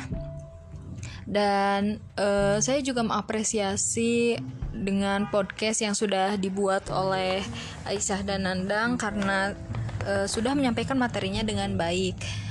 Um, bahasanya mudah dimengerti dan tampilan PowerPointnya juga cukup menarik sehingga uh, balance antara PowerPoint dengan podcast yang dibuat seperti itu. Dan uh, kelompok 13 ini menyampaikan materi mengenai pentingnya keluarga negaraan dan peran pendidikan guru. Nah, hmm, dari uh, materi yang sudah dipaparkan, uh, saya jadi mengetahui memang benar bahwa uh, pendidikan keluarga negaraan penting untuk diketahui oleh siswa. Begitu pula juga dengan peran pendidik dalam uh, merealisasikan uh, materi pendidikan keluarga negaraan tersebut seperti yang sudah dijelaskan oleh saudara Nandang bahwa Peran pendidik e, sangat penting dalam menunjang keberhasilan e, dalam penyampaian materi mengenai pendidikan keluarga negaraan terhadap siswanya. Nah, namun saat ini kita e, masih melihat e, banyak e, siswa atau kalangan yang menyepelekan mengenai ilmu pendidikan e, keluarga negaraan uh, ada beberapa yang seperti uh, acuh tak acuh sehingga mereka merasa um, tidak perlu belajar seperti itu gitu. Tidak perlu mempelajari pendidikan kewarganegaraan. Uh, nah melihat hal itu bagaimana tanggapan kelompok terhadap hal semacam tersebut di Indonesia? Dan mungkin kelompok mempunyai solusi terhadap uh, masalah tersebut. Mungkin uh, saya rasa tanggapan materinya cukup sekian. Uh, terima kasih uh, sudah menyampaikan materi dan uh, saya rasa sekian dari saya. Wassalamualaikum warahmatullahi wabarakatuh. Semoga semuanya tetap sehat selalu.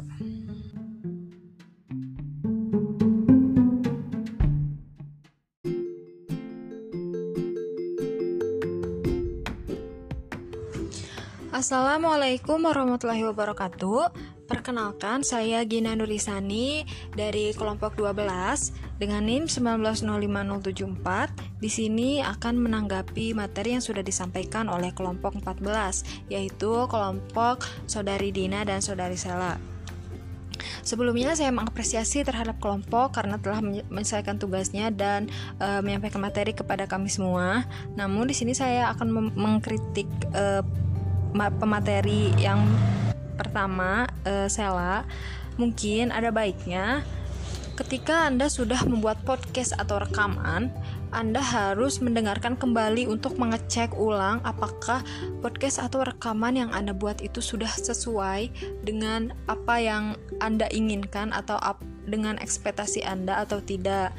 Uh, jangan sampai kejadian seperti ini terulang lagi gitu saya karena saya tidak bisa mendengar uh, suara atau materi yang Anda berikan. Saya hanya mendengarkan suara musik selama 14 menit. Nah, mungkin bisa menjadi evaluasi uh, bagi saudari Sela ke depannya agar mengecek ulang uh, dan memastikan setiap pekerjaan yang Anda buat itu uh, sudah uh, betul atau tidak. Nah, untuk saudari Dina sudah menjelaskan podcastnya dengan baik, serta uh, salin dia atau PowerPoint yang dibuat juga cukup menarik. Namun memang ada beberapa kata-kata yang uh, asing atau tidak dapat dimengerti mungkin karena uh, kelompok kesulitan dalam bahasa yang disampaikan oleh buku.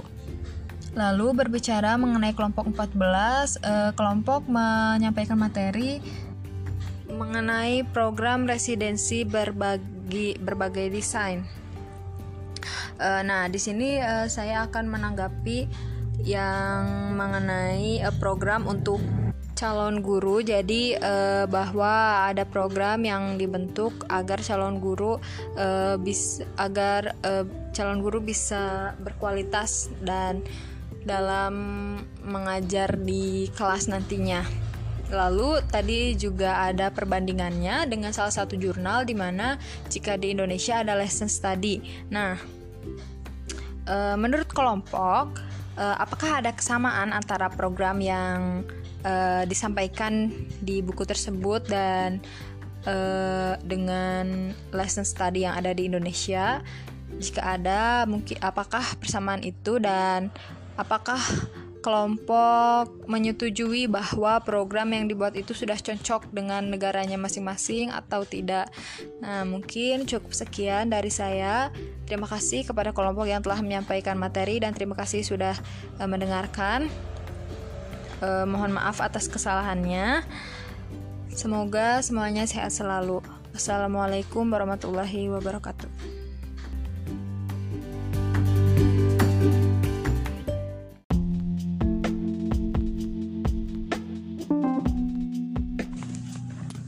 Assalamualaikum warahmatullahi wabarakatuh. Perkenalkan saya Gina Nurisani uh, dari kelompok 12 dengan NIM 1905074 Baik, di sini saya sebagai pemateri akan menjawab pertanyaan yang diberikan oleh saudari Elia terhadap kelompok 12 Adapun pertanyaan yang diberikan Elia yaitu uh, Mengapa kemitraan sekolah merupakan aspek yang penting. Jadi eh, sebelumnya eh, saya juga sudah menjelaskan di pema di pematerian sebelumnya dan sudah disinggung juga bahwa memang kemitraan di sekolah itu merupakan aspek yang penting karena dapat eh, mempengaruhi studi sosial eh, pembelajaran pada siswa dan eh, banyak timbal balik yang didapat dari kemitraan dengan sekolah e, maupun untuk siswa atau untuk e, mahasiswa tersebut.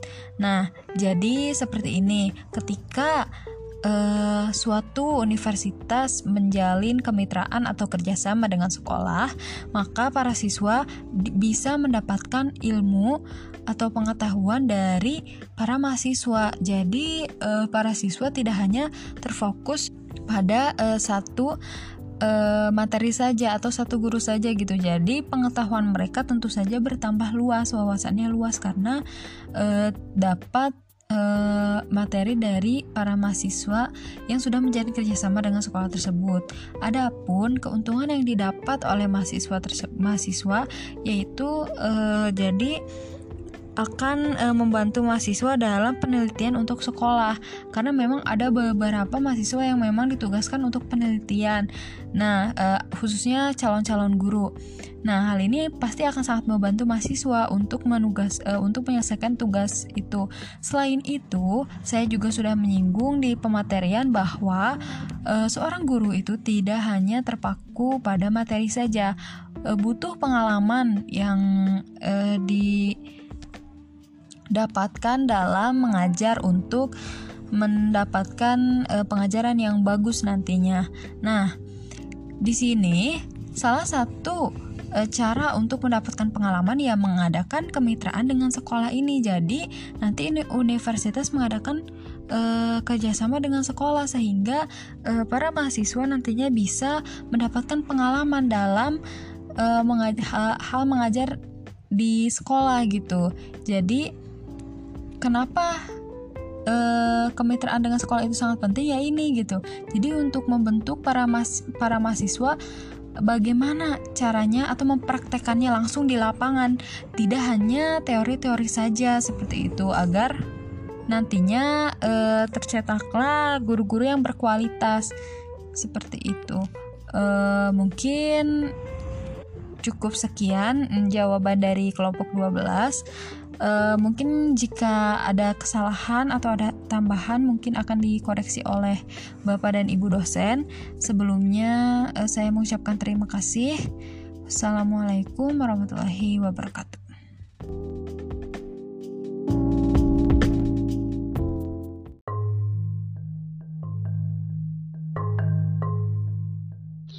Assalamualaikum warahmatullahi wabarakatuh. Perkenalkan, saya Gina Nurisani dengan NIM 1905074.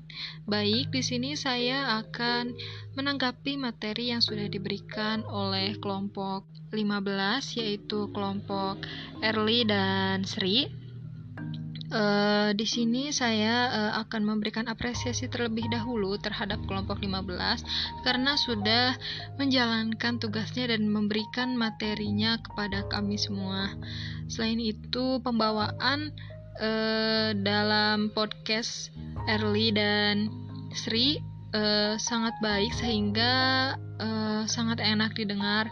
Terlebih lagi Early yang mungkin sudah terlatih jadi uh, sangat um, enak untuk didengar gitu. Lalu mengenai materinya, uh, oh sebelumnya powerpointnya juga uh, sudah cukup baik uh, dan sudah tersusun. Nah, lalu untuk materinya mengenai uh, disinggung mengenai uh, pendidikan dan ruang pendidikan dan tempat atau lingkungan. Nah, di sana juga disebutkan bahwa e, guru seharusnya tidak hanya mm, tahu atau menguasai lingkungan sekolah saja, tetapi baiknya menguasai latar belakang atau lingkungan para siswanya. Nah, menanggapi hal tersebut, e, muncul pertanyaan di benak saya, e, jika memang guru dituntut untuk e, harus mengetahui bagaimana lingkungan para siswanya. Da, lalu uh, bagaimana jika memang guru itu sudah tahu apa langkah yang harus dilakukan? Karena kemungkinan besar guru akan uh, menemukan uh, lingkungan yang berbeda-beda tentunya. Karena uh, para siswa juga berasal dari lingkungan yang berbeda-beda. Nah, mungkin ada dari lingkungan yang memang sudah baik sehingga uh, karakter yang timbul dalam siswanya pun baik atau ad, ataupun ada sebaliknya. Lalu apa yang apa langkah yang harus dilakukan oleh guru tersebut jika memang guru tersebut sudah mengetahui bagaimana latar belakang lingkungan para siswanya? atau mungkin bagaimana menyatukannya dengan lingkungan sekolah yang sudah ia kuasai dan harus ia kuasai tersebut. Mohon untuk kelompok 15 bisa memberi jawabannya. Sekali lagi saya apresiasi terhadap kelompok 15 atas uh, pemateriannya. Uh, mungkin cukup sekian dari saya. Semoga semuanya selalu diberi kesehatan oleh Allah Subhanahu wa taala. Amin ya rabbal alamin. Wassalamualaikum warahmatullahi wabarakatuh.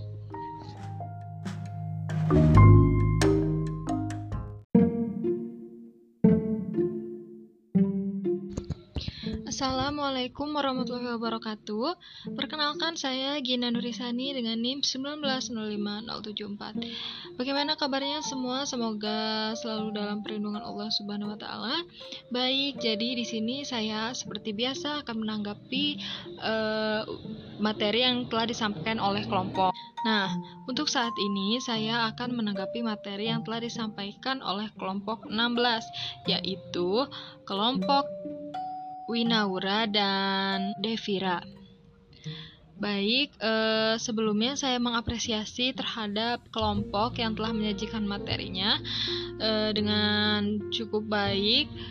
Podcastnya, pembawaannya baik dan eh, materi yang disediakan di salin dia juga eh, baik, tidak tidak berserakan atau tercecer atau eh, kalau bahasa Sundanya mah ocak-acakan jadi saya mengapresiasi lalu uh, untuk suara mungkin uh, Devira bisa agak lebih di um, uh, dibesarkan sedikit agar jelas terdengar oleh para pendengarnya. Nah, di kelompok 16 ini dibahas disinggung mengenai uh, salah satu cara yaitu dengan foto. Foto agar siswa merasa aktif dan terlibat langsung. Nah, saya ada e, pertanyaan yang ingin diberikan untuk kelompok 16 yaitu mengenai yang tadi sudah saya sebutkan mengenai foto tersebut bisakah kelompok e, 16 memberikan contoh yang konkret e, mengenai foto tersebut maksudnya ya itu kan dalam studi sosial artinya di dalam masyarakat. Contoh konkretnya apa? Mungkin mungkinkah fenomena sosial atau gejala sosial dari masyarakat salah satunya seperti kemiskinan atau apa gitu?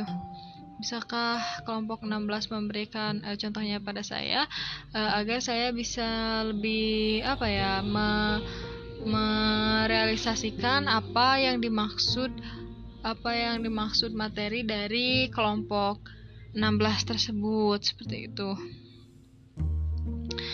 Uh, mungkin dari saya uh, cukup sekian. Saya sekali lagi berterima kasih terhadap Winaura dan Devira yang sudah menyampaikan materinya. Semoga semuanya selalu berada di lindungan Allah Subhanahu wa taala. Semoga sehat selalu dan lancar puasanya. Baik, uh, saya Gina Durisani pamit undur diri. Wassalamualaikum warahmatullahi wabarakatuh.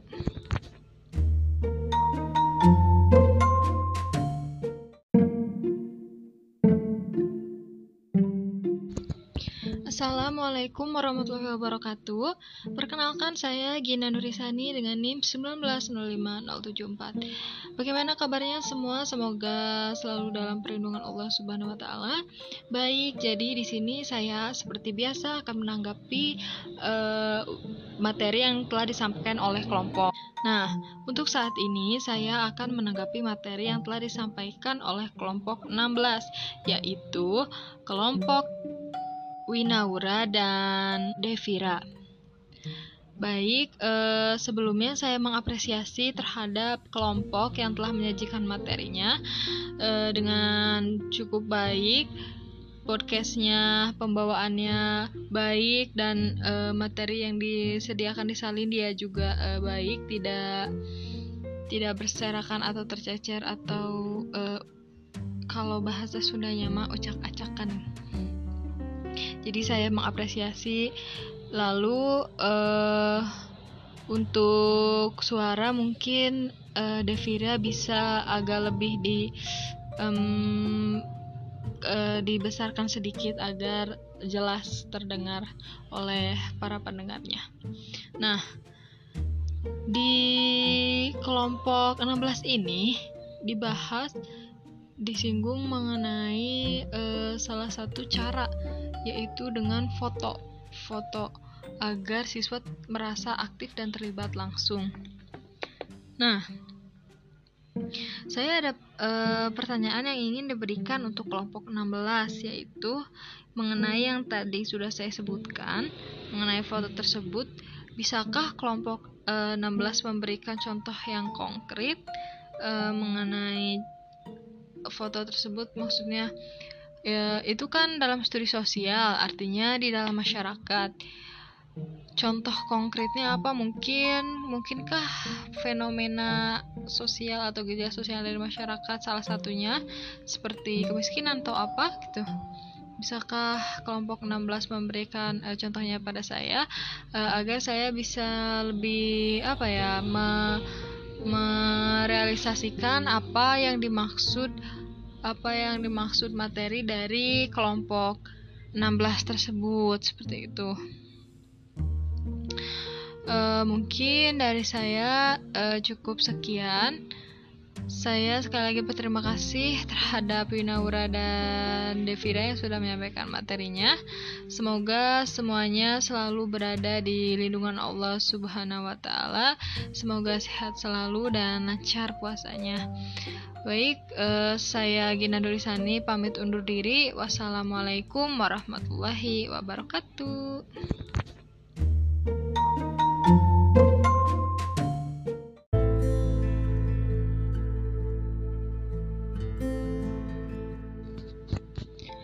Assalamualaikum warahmatullahi wabarakatuh Perkenalkan, saya Gina Nurisani dengan NIM 1905074 dari kelompok 12 kelas PKN 2019A Baik, kali ini seperti biasanya saya akan menanggapi materi yang telah disampaikan oleh kelompok.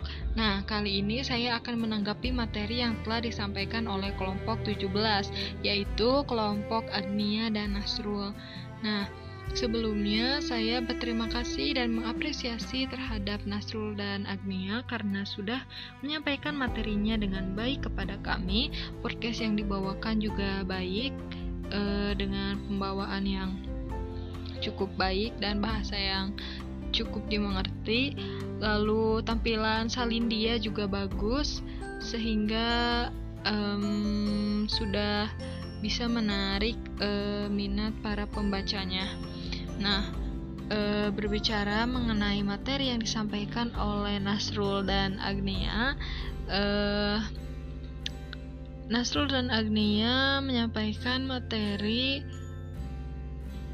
studi sosial berbasis tempat pendidikan guru dan disinggung juga mengenai pendidikan keluarga negaraan.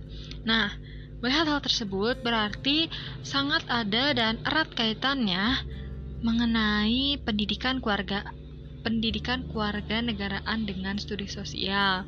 Nah, eh, saya pun juga akan sedikit mengulas mengenai apa yang saya tahu eh, mengenai studi sosial, yaitu menurut Bart uh, Bart dan Sermis uh, mengenai tradisi social studies. Di antaranya ada mengenai social studies talk as citizenship transmission. Nah apakah uh, tradisi tersebut menunjukkan adanya keterkaitan antara pendidikan keluarga negaraan dengan studi sosial seperti apa yang telah disampaikan oleh materi mengenai uh, pendidikan keluarga negaraan dan studi sosial yang bisa dilihat er, apa uh, erat kaitannya. Uh, mungkin mohon untuk kelompok jika berkenan menjawab pertanyaan. Sekali lagi uh, saya berterima kasih kepada kelompok karena telah menyampaikan materinya dan saya mohon maaf apabila uh, di dalam tanggapan ini mungkin menyakiti hati pemateri atau uh, bahasa yang saya gunakan uh, tidak cukup baik. Saya mohon maaf. Semoga semuanya selalu diberi kesehatan oleh Allah Subhanahu wa taala dan dilancarkan puasanya. Mungkin cukup sekian dari saya. Wassalamualaikum warahmatullahi wabarakatuh.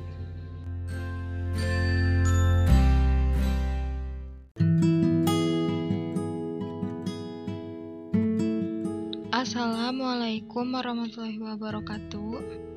Perkenalkan, saya Gina Nurisani dengan NIM 1905074 dari kelompok 12 eh, dari kelas PKN 2019A Baik, di sini seperti biasanya saya akan memberikan tanggapan terhadap suatu kelompok. Nah, kali ini saya akan memberikan tanggapan terhadap kelompok 18 atau kelompok yang beranggotakan Rizky dan Jati.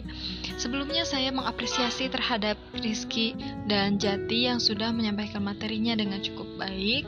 Uh, lalu untuk PowerPoint atau salindia uh, saya ada sedikit komentar, mungkin lebih baik jika uh, dibuat poin-poinnya saja, karena kita tahu namanya saja PowerPoint.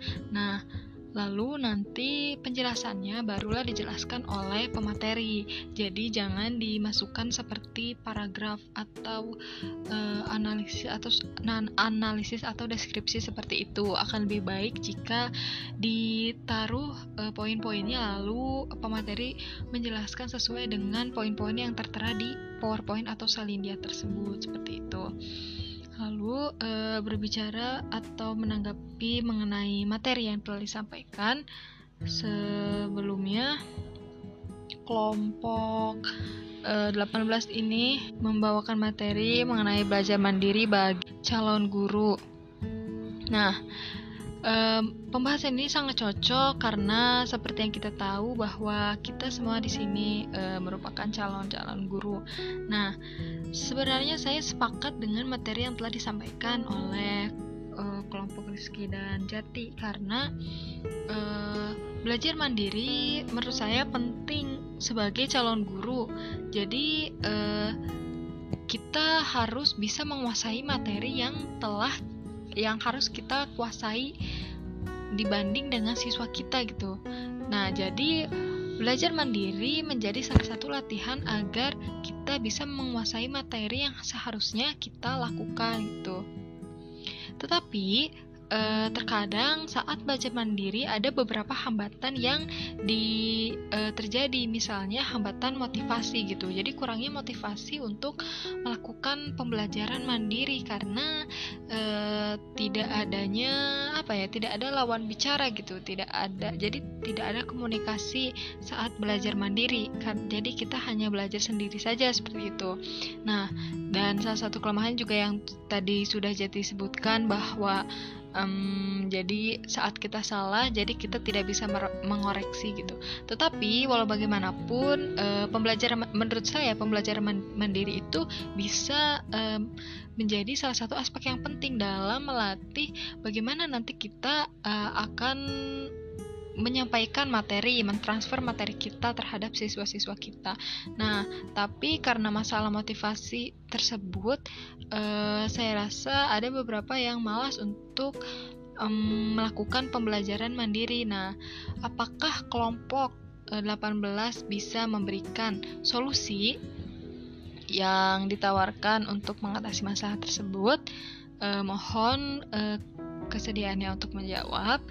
Uh, terima kasih sebelumnya. Saya mohon maaf jika ada kata-kata yang kurang mengenakan dan saya berharap semoga semuanya sehat selalu dan dilancarkan puasanya.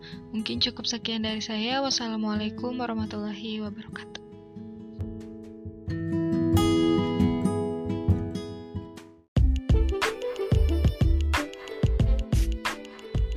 Assalamualaikum warahmatullahi wabarakatuh. Perkenalkan, saya Gina Nurisani dengan NIM 1905074. Baik, di sini seperti biasanya saya akan menanggapi materi yang telah disampaikan oleh kelompok. Sebelum itu, saya berharap semuanya dalam lindungan Allah Subhanahu wa taala, sehat selalu dan e, lancar dalam menjalankan puasanya. Nah, kali ini saya akan menanggapi kelompok 19 yaitu kelompok yang terdiri dari Anggi dan Nida. Nah, sebelumnya saya mengapresiasi terhadap Anggi dan Nida karena telah menyampaikan materinya kepada kami sehingga eh, kami dapat eh, mendapat materi yang telah dipelajari oleh kelompok 19. Namun eh, saya ada beberapa kritik eh, di dalam podcast uh, masih uh, banyak atau beberapa bahasa yang tidak dimengerti oleh uh, kami sebagai pendengar atau uh, khususnya saya sendiri. Masih ada beberapa kata yang tidak bisa saya mengerti maksudnya apa gitu. Mungkin karena uh, kelompok kesulitan dalam mengubah bahasa dari bahasa Inggris ke bahasa Indonesia sehingga ada uh, beberapa uh, kata yang um, terdengar aneh gitu. Lalu the, tampilan PowerPoint juga cukup bagus, namun e, dalam tekniknya alangkah lebih baiknya karena ini namanya PowerPoint maka dibuatnya per poin lalu pematerilah menjelaskan dari poin-poin tersebut sesuai dengan apa yang telah dituliskan di salindia atau di PowerPoint tersebut.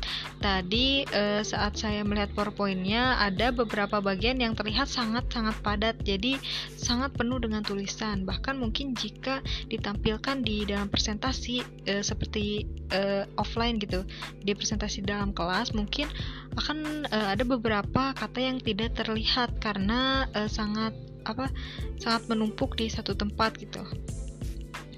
E, lalu berbicara mengenai materi yang telah disampaikan e, oleh Anggi dan Nida mengenai big data. Jadi um, merupakan uh, merupakan salah satu uh, apa ya dampak dari kemajuan teknologi saat ini dan semua guru membutuhkannya bukan hanya studi sosial saja sepertinya tapi tadi juga disebutkan bahwa salah satu kelemahannya atau salah satu hambatannya karena studi sosial terfokus pada lapangan sehingga lebih mengedepankan kualitatif e, dibanding kuantitatif. Nah, yang ingin saya tanyakan, apakah ada solusi dari masalah atau hambatan tersebut?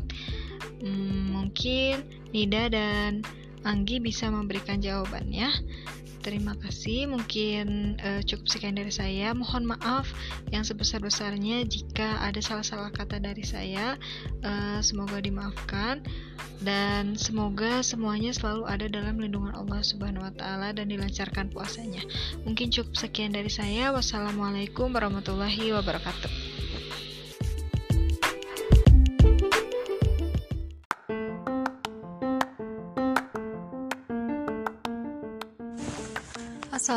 Assalamualaikum warahmatullahi wabarakatuh. Perkenalkan, saya Gina Nurisani dengan NIM 1905074 dari PKN 2019A. Baik, eh, seperti biasanya pada kesempatan kali ini saya akan menanggapi materi yang telah disampaikan oleh kelompok 20 yaitu kelompok yang beranggotakan Debi dan eh, Tubagus Tegar. Nah, Pertama-tama saya akan uh, menanggapi cara penyampaian materinya terlebih dahulu. Uh, untuk Debbie uh, sudah cukup baik dalam penyampaian materinya karena dibawakan dengan baik walaupun masih ada beberapa kalimat yang kurang dimengerti. Untuk tuh bagus mungkin agak bisa lebih uh, santai dalam pembawaannya agar uh, materi yang diterangkan juga masuk kepada pendengar seperti itu. Jadi mohon untuk pembawaannya agak lebih santai dan gunakan bahasa-bahasa yang komunikatif. Lalu untuk PowerPoint, hmm, saya rasa uh, ada beberapa kesulitan dalam membaca PowerPoint tersebut, seperti ada salah satu slide yang uh, memuat 5 poin, tetapi tidak tidak diberi urutan, tidak diberi angka seperti itu. Jadi saya uh, bingung harus membaca dari uh, urutan yang sebelah mana gitu. Seperti itu mungkin uh, untuk ke depannya nanti jika memang ada poin-poin dan uh, tata letaknya tidak dari atas ke bawah mungkin uh, berbentuk lingkaran atau seperti apa mungkin bisa diberi uh, angka sehingga para pembaca bisa membaca secara berurutan seperti itu. Menanggapi materi yang telah disajikan oleh kelompok 20. Di sana tadi Tegar juga menyinggung bahwa guru harus mengetahui perkembangan siswa. Nah, Pertanyaannya, bagaimana cara guru tersebut bisa mengetahui perkembangan siswanya? Uh, apakah dengan mengamatinya, dengan mengamati para siswanya gitu setiap hari atau mengadakan evaluasi seperti uh, ujian atau uh, pertanyaan untuk mengetahui sejauh mana perkembangan siswa tersebut atau justru uh, bukan ke arah situ yang dimaksud. Nah, tolong uh, berikan penjelasan mengenai bahwa guru harus mengetahui perkembangan setiap siswanya atau mungkin perkembangan perilaku kah atau perkembangan apa. Uh, mungkin saya rasa cukup sekian uh, tanggapan yang dapat saya berikan untuk kelompok 20. Uh, saya apresiasi terhadap kelompok 20 karena telah memberikan atau menyampaikan materinya kepada kami semua. Semoga Allah selalu memberi perlindungan kepada kita semua dan uh, disehatkan selalu semuanya. Cukup sekian dari saya.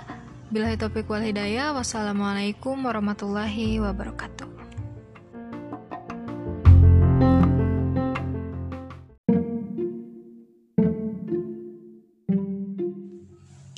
Assalamualaikum warahmatullahi wabarakatuh. Halo, saya Gina Dorisani dengan NIM 1905074 dari kelas PKN 2019A. Baik, seperti biasanya pada kesempatan kali ini saya akan memberikan tanggapan yang ditujukan kepada kelompok 21 yaitu kelompok Teddy dan Ajeng. Nah, eh, kebetulan kelompok 21 ini membahas materi mengenai mendukung pengajaran praktek politik studi sosial. Nah, Sebelumnya, saya mengapresiasi terhadap Teddy dan Ajeng yang telah memberikan atau menyampaikan materinya kepada kami dengan cukup baik dan uh, kalimat atau kata-kata yang digunakan juga cukup uh, komunikatif sehingga uh, saya bisa memahami maksudnya. Oh, selain itu uh, PowerPoint yang dibuat juga cukup menarik dan uh, bahasa yang digunakan um, mudah dipahami jadi uh, tidak ada uh, jarang sangat jarang kata-kata yang uh, rancu atau asing gitu seperti itu dengan uh, salindia atau powerpoint yang bagus lalu disajikan juga dengan um, pembawaan dari pemateri yang cukup baik jadi uh, terlihat balance terlihat seimbang dan uh, apa ya jadi bagus gitu baik jadi uh, antara pemateri dan PowerPoint atau salindianya terlihat um, saling melengkapi.